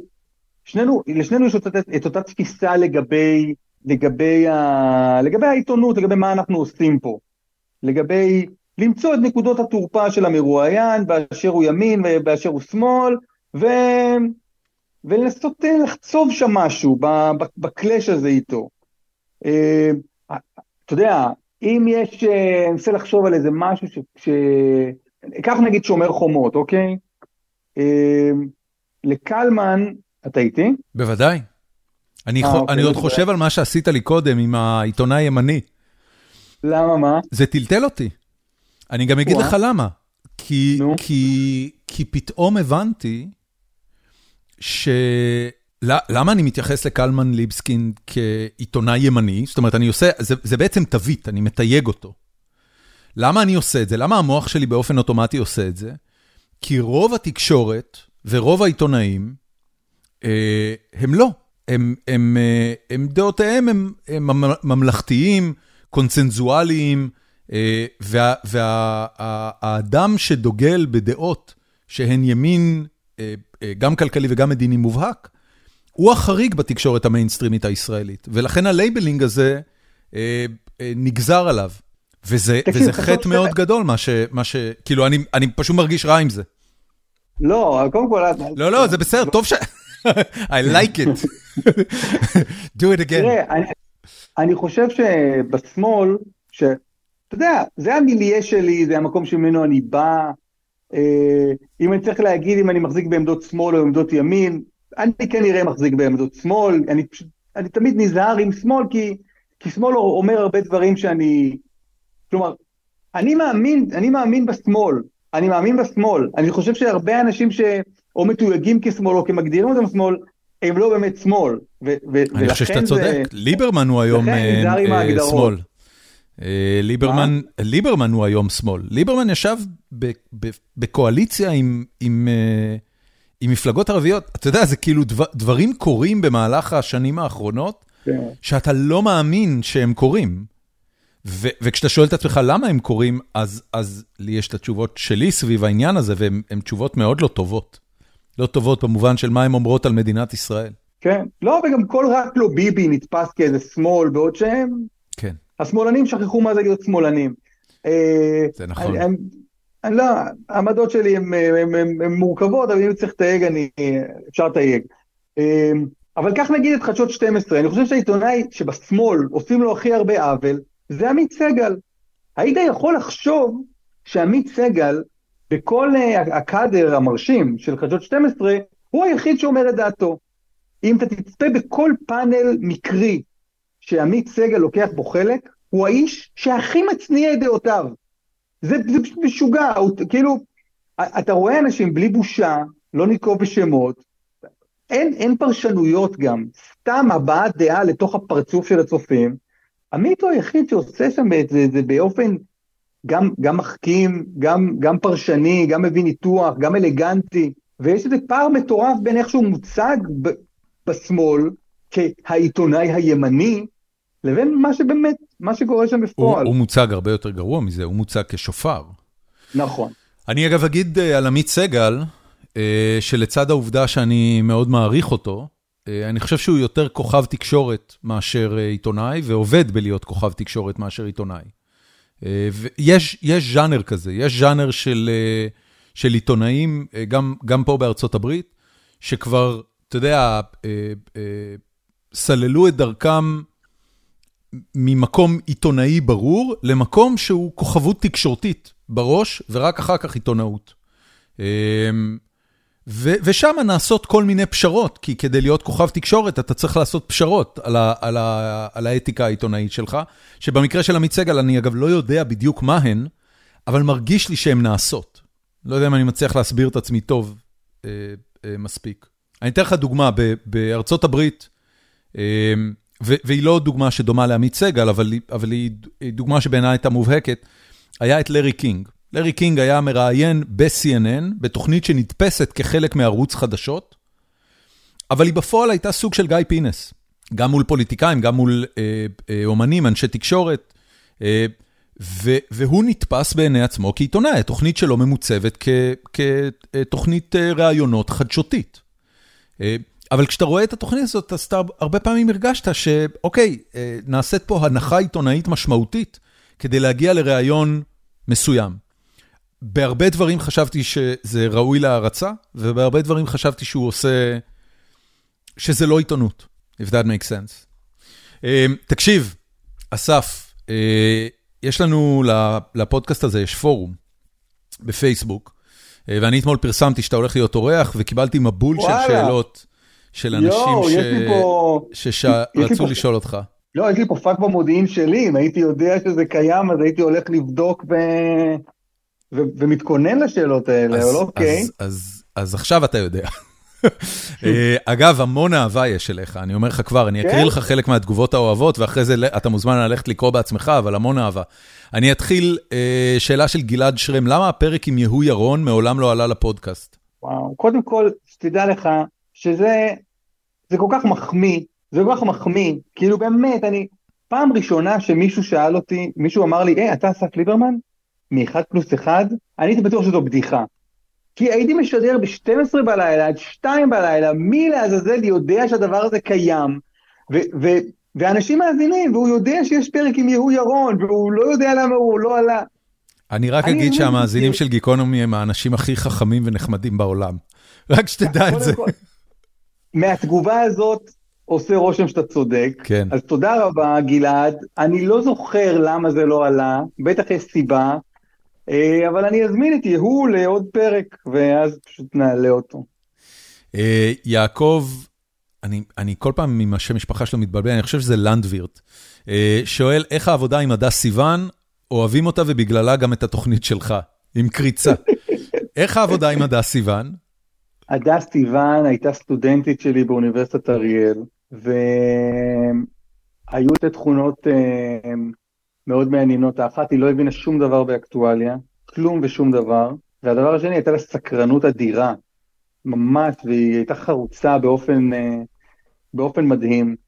והיא היא עשתה ראיון פוליטי מדהים, נדמה לי עם מוסי רז או מישהו אחר, וזה היה, זה הדהים אותי איך, איך בחורה בלי ידע בכלל בפוליטיקה, עשתה ראיון מאתגר, אה, חכם, אינטליגנטי מאוד, עם, עם פוליטיקאי, שהיא לא מכירה את המטריה, היא למדה את המטריה, וזה אמרתי, אוקיי, טוב, היא צריכה לבוא, צריכה לבוא לצוות של אה, קלמן ליברמן ברשת ב'. ואיך זה לעבוד איתה?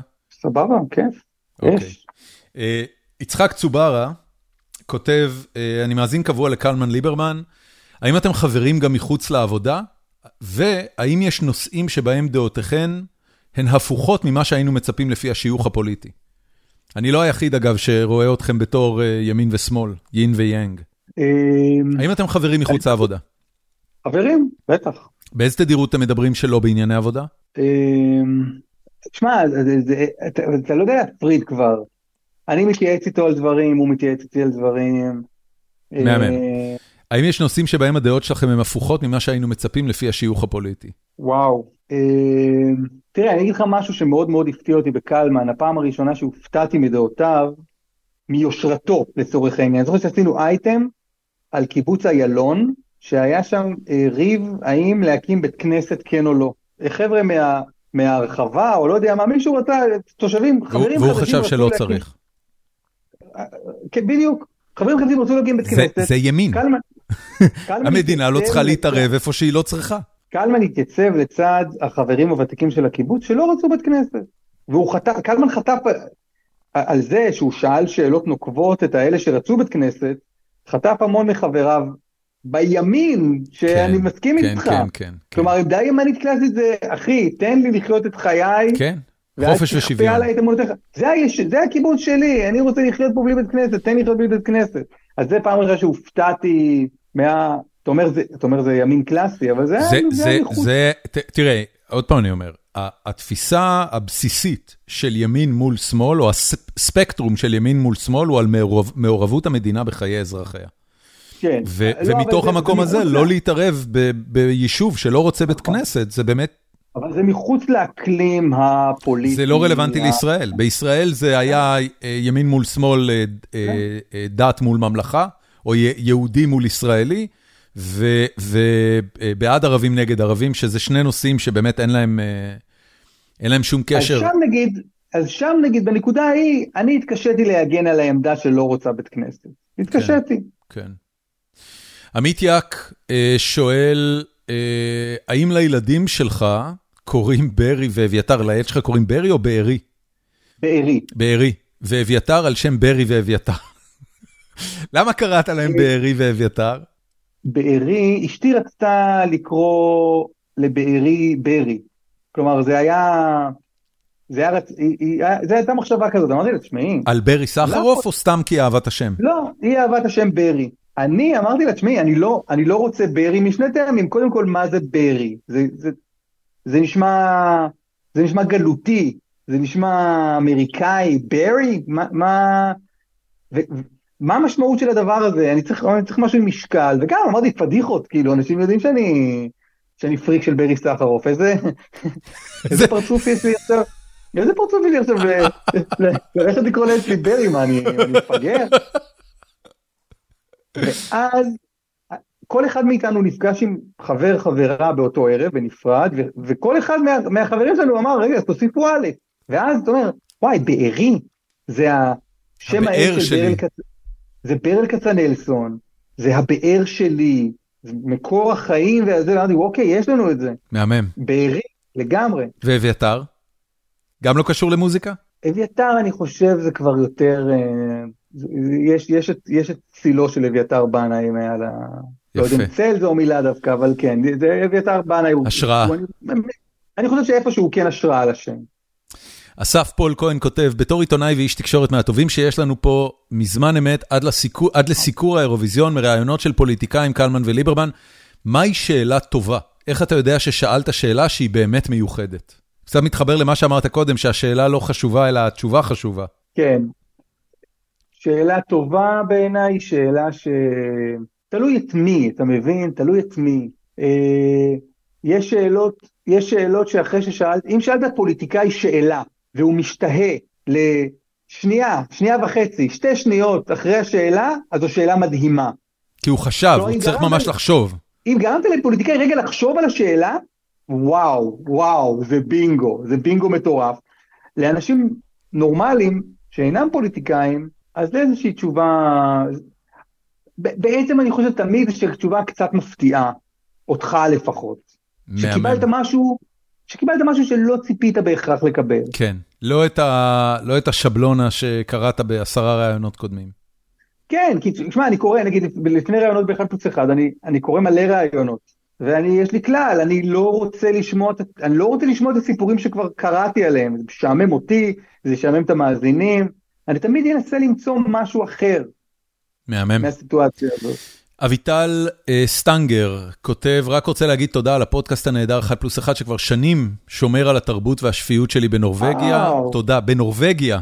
ישראלי שמאזין וואו, בנורבגיה. וואו, וואו, תודה רבה, איזה כיף. מה זה. אסף ברית כותב, איזה כיף, פרק לחכות לו. נתן ליפשס כותב, אשמח לדעת למה בתוכנית שלו בבוקר לא מדברים על הטור של קלמן. קלמן ליבסקינד, ליבסקינד מפציץ כמעט כל שבוע בטורים חשובים בחשיפות יוצא מן הכלל, ואילו אפילו בתוכנית שלו אין, אין המשכיות לדברים האלה.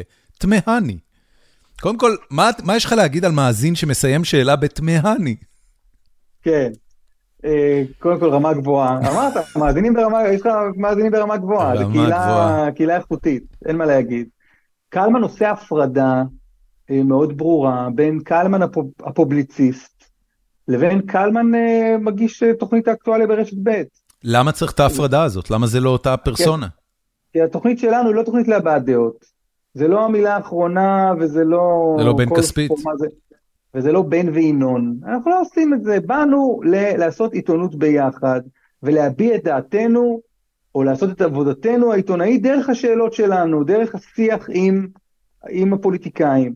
למה ככה החלטנו? כי בזה אנחנו מאמינים. אז שוב, כשקלמן מביא סיפורים, וגם קלמן הוא איש צנוע, והרבה פעמים אני רואה משהו, לא יודע אם הרבה פעמים, אני רואה משהו בעיתון, אני אומר לו, קלמן צריך לטפל בזה, ואני מרגיש לא נעים, כאילו לקדם את, ה, את הטור שלו גם, ב, גם בתוכנית ברדיו. איזה דבר. אה, דניאל דוקטובסקי כותב, כן. בשבילי הוא יהיה לעד מדריך הנוער העובד מכיתה ו' בשכונת גילו. נכון, אני מכיר את השם, בטח. מכיר את האיש גם, מה זה קשה. איך היה להדריך בנוער העובד? הנוער העובד זה תנועת נוער יחסית מורעלת פוליטית. חד משמעית, חד משמעית.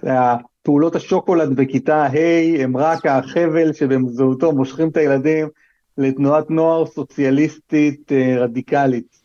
מה אתה חושב על הערכים האלה היום, ממרחק של זמן ובגרות? אמ, אתה יודע, כל המדינות שניסו סוציאליזם הארדקור, אה, די התפוצץ להם בפנים. אלה שניסו שילוב של סוציאליזם וקפיטליזם, אה, הלך להם קצת יותר טוב. כן, אני חושב שקודם כל, כחניך בנוער העובד ולומד, בזנו, בזנו ממש לצופים, וכל השטויות שלהם, כל המילים האוויליות, החסרות משמעות, ממלכתיות וזה, זה שיתוף פעולה וזה, ובזנו להם. אני הייתי מדריך בצופים.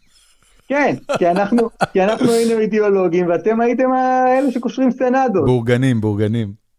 כן. אין על, אין על בורגנות, אני רק אגיד, אין על בורגנות. הבורגנות ניצחה ביקום באופן כללי.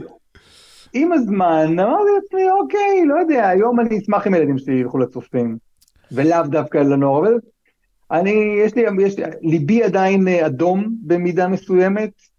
אה, יש, יש רגעים שבהם אני מאוד מזדהה עם הלהט הזה, הסוציאליסטי, המהפכני במידה מסוימת, ויש פעמים שלא.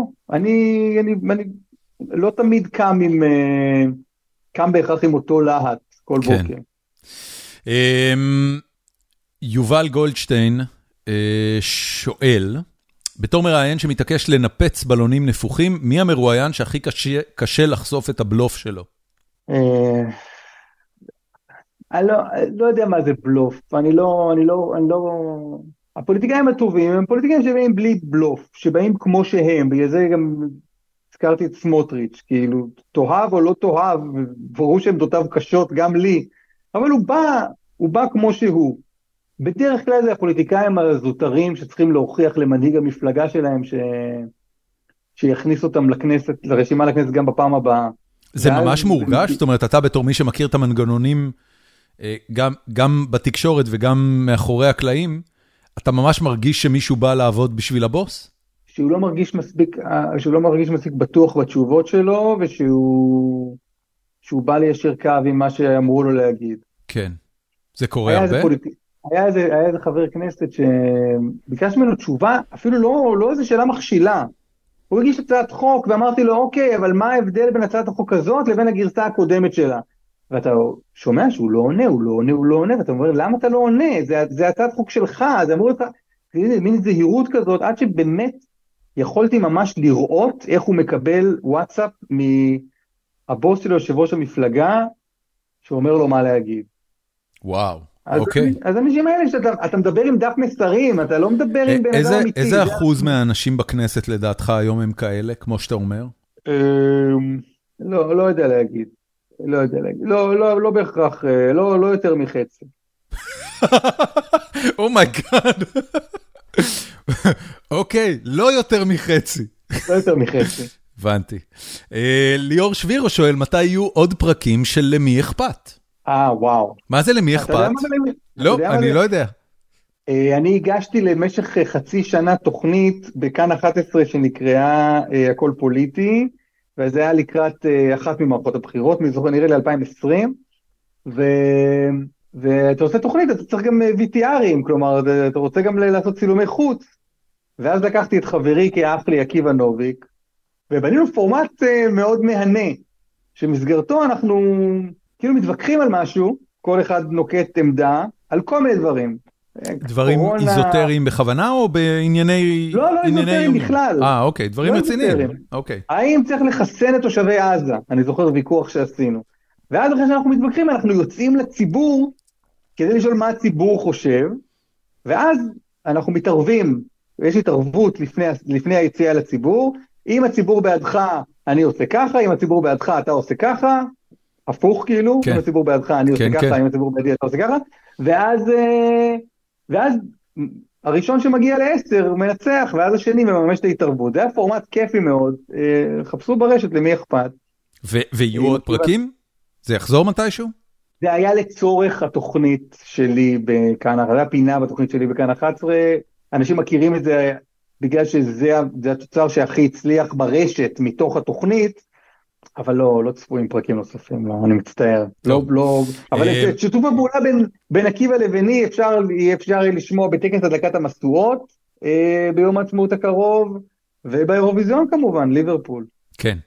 אה, אלכסנדר ברוק כותב, קודם כל הערכה רבה על זמן אמת, אה, ובכללי שאפו ענק על, על כל העבודה שלך. השאלה שלו היא, מה הפרדוקס? בוא'נה, דורון, איזה כיף, בחיי, איזה כיף שבאתי. אני, באמת. אני, אני ידעתי להגיד לך לא, מראש שזה כיף. לפעמים אתה לא יודע, אתה גם, הסביבה המיידית שלי לתגובות זה טוויטר, ששם... רעל. זה לא סביבה מאוד תומכת. והנה תקשיב, פה זה, אני... זה ה... זה ה... אני מאוד הייתי שמח אם, אם הרבה יותר מהתקשורת הישראלית תיראה ככה, כי מי כמוך יודע שהאופן שבו תקשורת מתנהלת גם מכתיב את השיח בציבור. כן. וזה לא, באמת שיש אנשים מאוד אינטליגנטים לאורך כל הסקאלה הפוליטית. לא הכל חייב להיות מטומטם. לפעמים אתה רואה אה, תקשורת מיינסטרים בישראל, ואתה אומר, למה אתם ממשיכים... אני, מקעקע, אני מקעקע את המשפט הזה על הזרוע, וזה לא הכל חייב להיות לא מטומטם. לא הכל חייב להיות מטומטם, לפעמים אפשר פשוט, אתה יודע, דבר, דבר עם הבן אדם, בסדר, לא צריך ליצור. זה כאילו, זה, זאת הנקודה שאתה אומר, אוקיי, אבל, אבל כאילו הם, הם בכוונה עושים, לא יודע, אני, אני, לי מאוד קשה עם זה. אבל בוא נחזור לשאלות. אמ, אלכסנדר ברוק שואל, מה הפרדוקס או מה הסיבה שדווקא תאגיד השידור הישראלי שומר, את חופש, אה, שומר על חופש עיתונאי אמיתי ולא נופל ללחצים מלמעלה? למה דווקא הוא? כלומר, זה אומר שה... כן, זה, זה, זה הגיוני שזה יהיה בדיוק להפך. זאת אומרת, זה למה? הגיוני, כי זה במימון המדינה. כן, אבל נבנה פה מנגנון ש... שאמור למנוע מהמדינה להתערב בתכנים, והגיעו, בסוף הוקמה מערכת עיתונאית עם DNA עיתונאי, ובזה אתה לא באמת יכול לגעת. איך, איך באמת לא קרה הנס הזה שבנו תאגיד בלי יכולת לשלוט בו?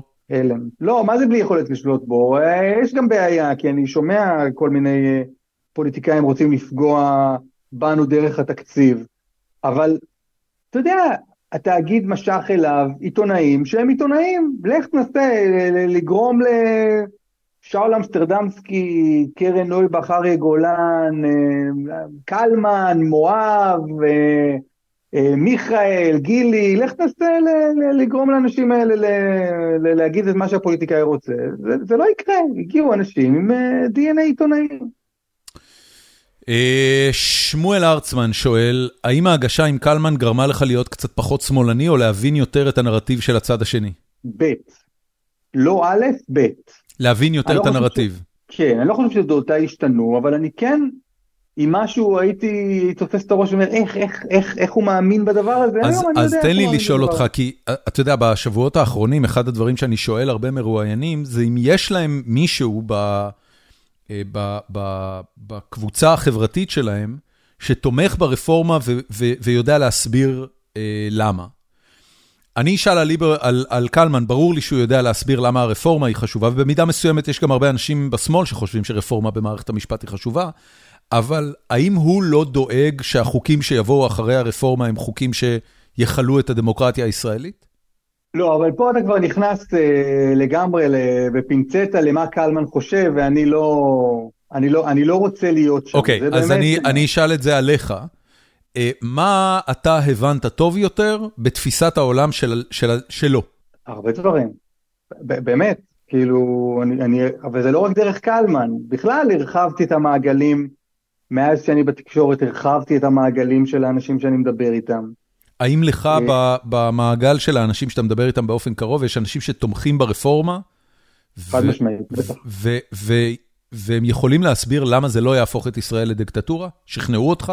שכנעו אותי שהם מאמינים בזה. אני לא אוקיי. מאמין בזה. זאת אומרת, הטענה היא, אוקיי, איך נראה שיח כזה? איך מישהו משכנע, זאת אומרת, מה מישהו אומר כדי להסביר שזה לא הולך להיות דיקטטורה? שזה הפוך, שזה כלי רפורמה לחיזוק הדמוקרטיה. היום יש קבוצה קטנה של אנשים שלא נבחרה, אף אחד לא בחר בה, והיא אה, מקבלת החלטות בפועל על איך תיראה המדינה, על החלטות שאמורות להיות שמורות לנבחרי הציבור, והם אלה ש, שמקבלים החלטות במקום נבחרי הציבור. ما, מה זה אם לא דיקטטורה? זאת אומרת, הם, שוב, הם, אני, הם, זה, זה, לא זה מעליו, זה ממה המצב כרגע, ולכן הוא צריך להיות אחר. להחזיר את מה זה דמוקרטיה? להחזיר את השליטה לידי העם. איך מוודאים שמדינת ישראל תישאר דמוקרטיה ליברלית בסיטואציה הזאת, או דמוקר... דמוקרטיה חצי ליברלית? אין סיבה להניח שנבחרי הציבור אה, יעשו אה, יותר נזק מאשר אה, שופטי בית המשפט העליון. הבנתי. טוב, לא זה, זה לא מרגיע. כאילו, אבל דורון, לא לחתוך את הקטעים האלה כאילו זו דעתי, בסדר? חס וחלילה, אני... ח... אנחנו לא, אני לא... אני לא, אין, אנחנו לא חותכים סאונד בייטים מהפרק הזה. לא, אני יודע, אני לא מדבר אליך, אני מדבר אל האנשים הזדוניים שמאזינים לנו. הבנתי, הבנתי, הבנתי. אמ, רונלדו שואל, למה אתה אוהב להיכנס לתוך דברי מרואיינים ולא לתת להם לסיים משפט? קודם כל זה נכון? כן, כי אני איש רע. רואים, כבר בשיחה אה, לא, הזאת אתה מתגלה. זה עניין של הרבה פעמים שני אנשים שונים שומעים אחרת. ראיון, והרבה פעמים אנשים ש... ואיך קוראים לבחור ששאלת את השאלה? רון אלדו. אז רון יכול לשמוע ראיון ולהגיד, תן לו לדבר, תן לו לדבר, תן לו לדבר, וחברו שיושב לידו יגיד, למה אתה כל כך רך איתו? ת, תקשה עליו. כן, תיכנס בו, זה, זה אגב ביקורת שגם אני מקבל, למה לא נכנסת בו?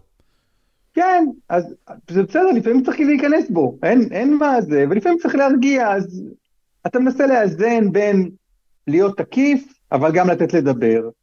אה, מבחינת רון, אני לא תמיד מצליח במשימה הזאת, וזה בסדר. אה, יש לו אגב עוד שאלה לרון אלדו, למה אתם עדיין ממשיכים לעשות דיווחי תנועה כאילו אין ווייז? אה, לדעתי זה מנגנון שנועד לאפשר חסויות. הבנתי. תשובה טובה. יקיר פרטוש שואל... לדעתי, אגב, אני לא יודע, אני לא, אני לא לתת על...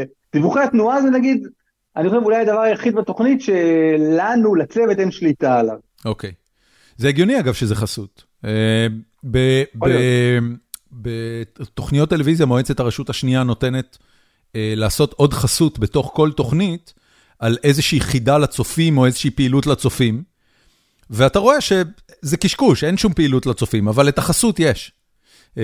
אמ, יקיר פרטוש אה, כותב, כיף לשמוע אותך ואת ליברמן ואת קלמן בבוקר. אה, יש הרבה תוכניות בוקר דומות להם, ועדיין משהו אצלכם מרגיש אחר. האם אתה יודע לשים את האצבע, מה שונה אצלכם, והאם זה משהו מכוון מראש?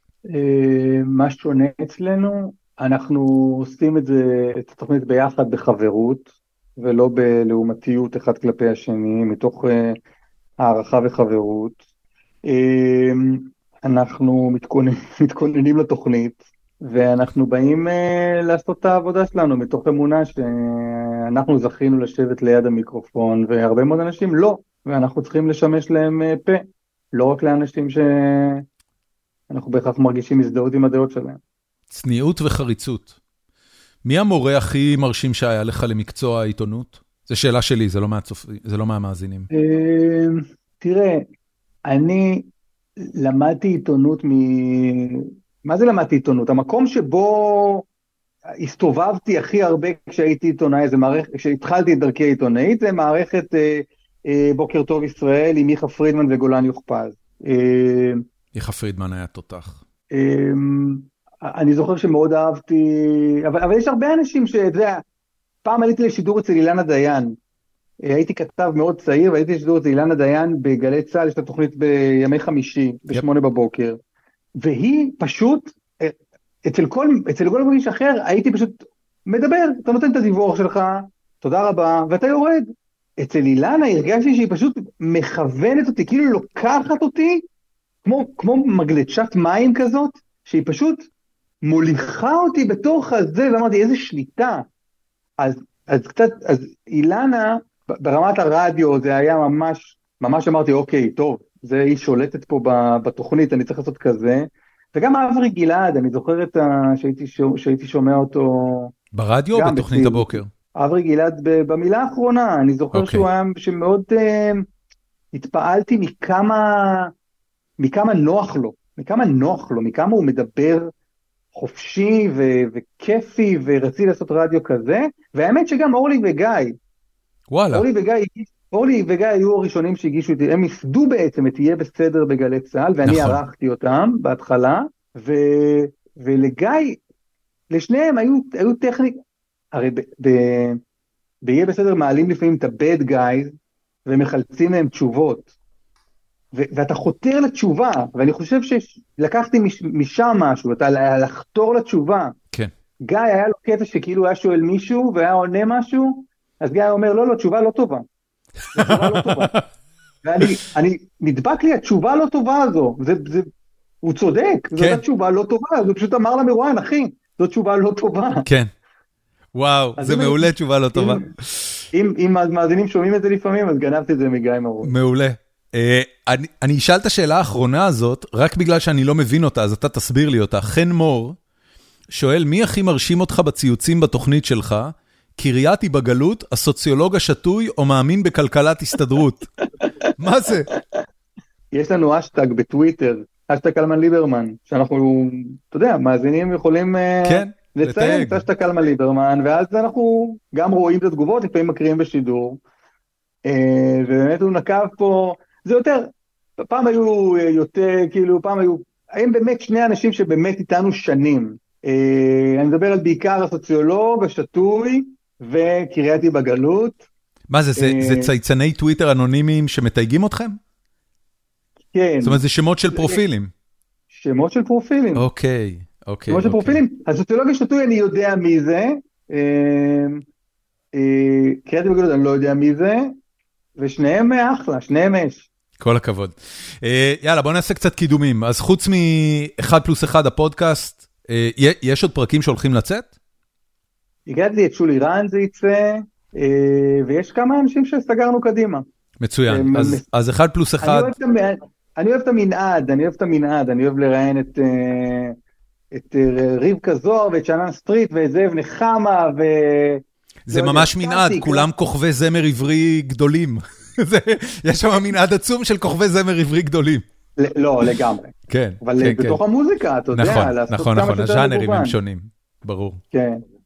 אז חוץ מהפודקאסט, מה עוד נקדם? עונה חדשה של זמן אמת עולה לאוויר בחודש מאי. אה, עובדים על דברים מטורפים, זה קורה בכאן 11. אה, אה, מה עוד? אני, שוב, אני תמיד עובד, זמן אמת נגיד, זה, זה קומפלקס ענק של אנשים שאני רק אה, בורג מסוים בו.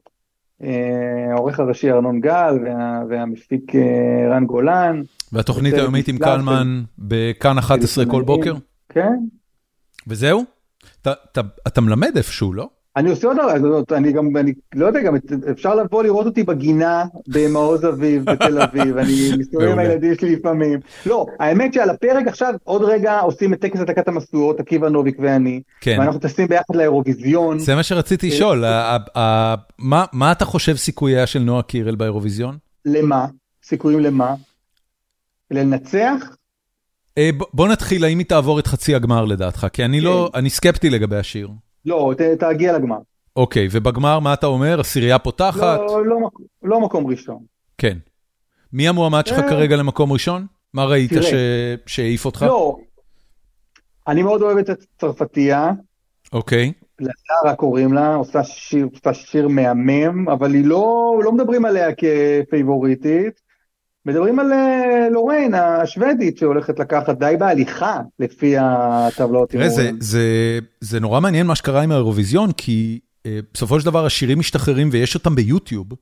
זאת אומרת, אתה ממש רואה כמה צפיות כל אחד מביא, וזה מדגם עצום. אה, ה- הזכייה של, אה, של נטע מהבחינה הזאת הייתה כל כך צפויה, פשוט היה לשיר הכי הרבה צפיות ביוטיוב. כן. וגם לא הייתה לה מלחמה של אוקראינה אה, במקביל. זה נכון. כלומר, האוקראינים באו אה, עם ה- עם ה- עם כן. הדרמה זה לא המלחמתית פייר שלהם. כשהר- ועקפו את דירוג היוטיוב הזה שלך. לגמרי, אה, לגמרי, לגמרי. טוב, בכל זאת, הכל פוליטיקה, כמו שאומרים על האירוויזיון. אסף, תקשיב, המון תודה. היה לי כיף דורון, גדול. תודה רבה לך, באמת, איזה כיף, זה כיף היה, זה, פתיחה כזו, אני לא זוכר מתי התראיינתי ככה אי פעם. אם בכלל. תראה מה זה. אה, כיף. זה מה שעושים פה. אה, תודה רבה לכל החבר'ה שלך בפייסבוק. אני בטוח שהם יבואו אה, להודות לך. תגיד, איפה- איפה אתה יותר פעיל במדיה חברתית, פייסבוק או טוויטר? אני באמת, באמת, אני מקווה, מתי זה עולה הפרק? מחר בבוקר, שלישי, שמונה בבוקר. אז אני מקווה שבשלישי בשמונה בבוקר כבר כל ה... שכבר כל החשבונות שלי ברשתות החברתיות יהיו אה, סגורים. באמת? אתה שונא את זה? רשתות סגורות, הרשתות יהיו סגורות. די, אני... לא, הרשתות סגורות, אבל החשבונות סגורים. חשבון אחד. אמרתי חשבונות, כן. אני בא, אני די, אני כל, כל יום אני אומר לעצמי שמה זה החרא הזה ומה זה קידם אותי, לא צריך כלום, לא צריך כלום. כן. איפה אני פעיל? מכור לטוויטר, כן. כותב יותר, אני חושב שאני כותב יותר בפייסבוק דווקא, ומעלה שטויות לאינסטגרם, אבל אני מכור, אני מכור לטוויטר, ואני מת להיגמל מהדבר הזה. fair enough. חג שמח, אסף, תודה רבה על השיחה הזאת. תודה רבה דורון, תודה.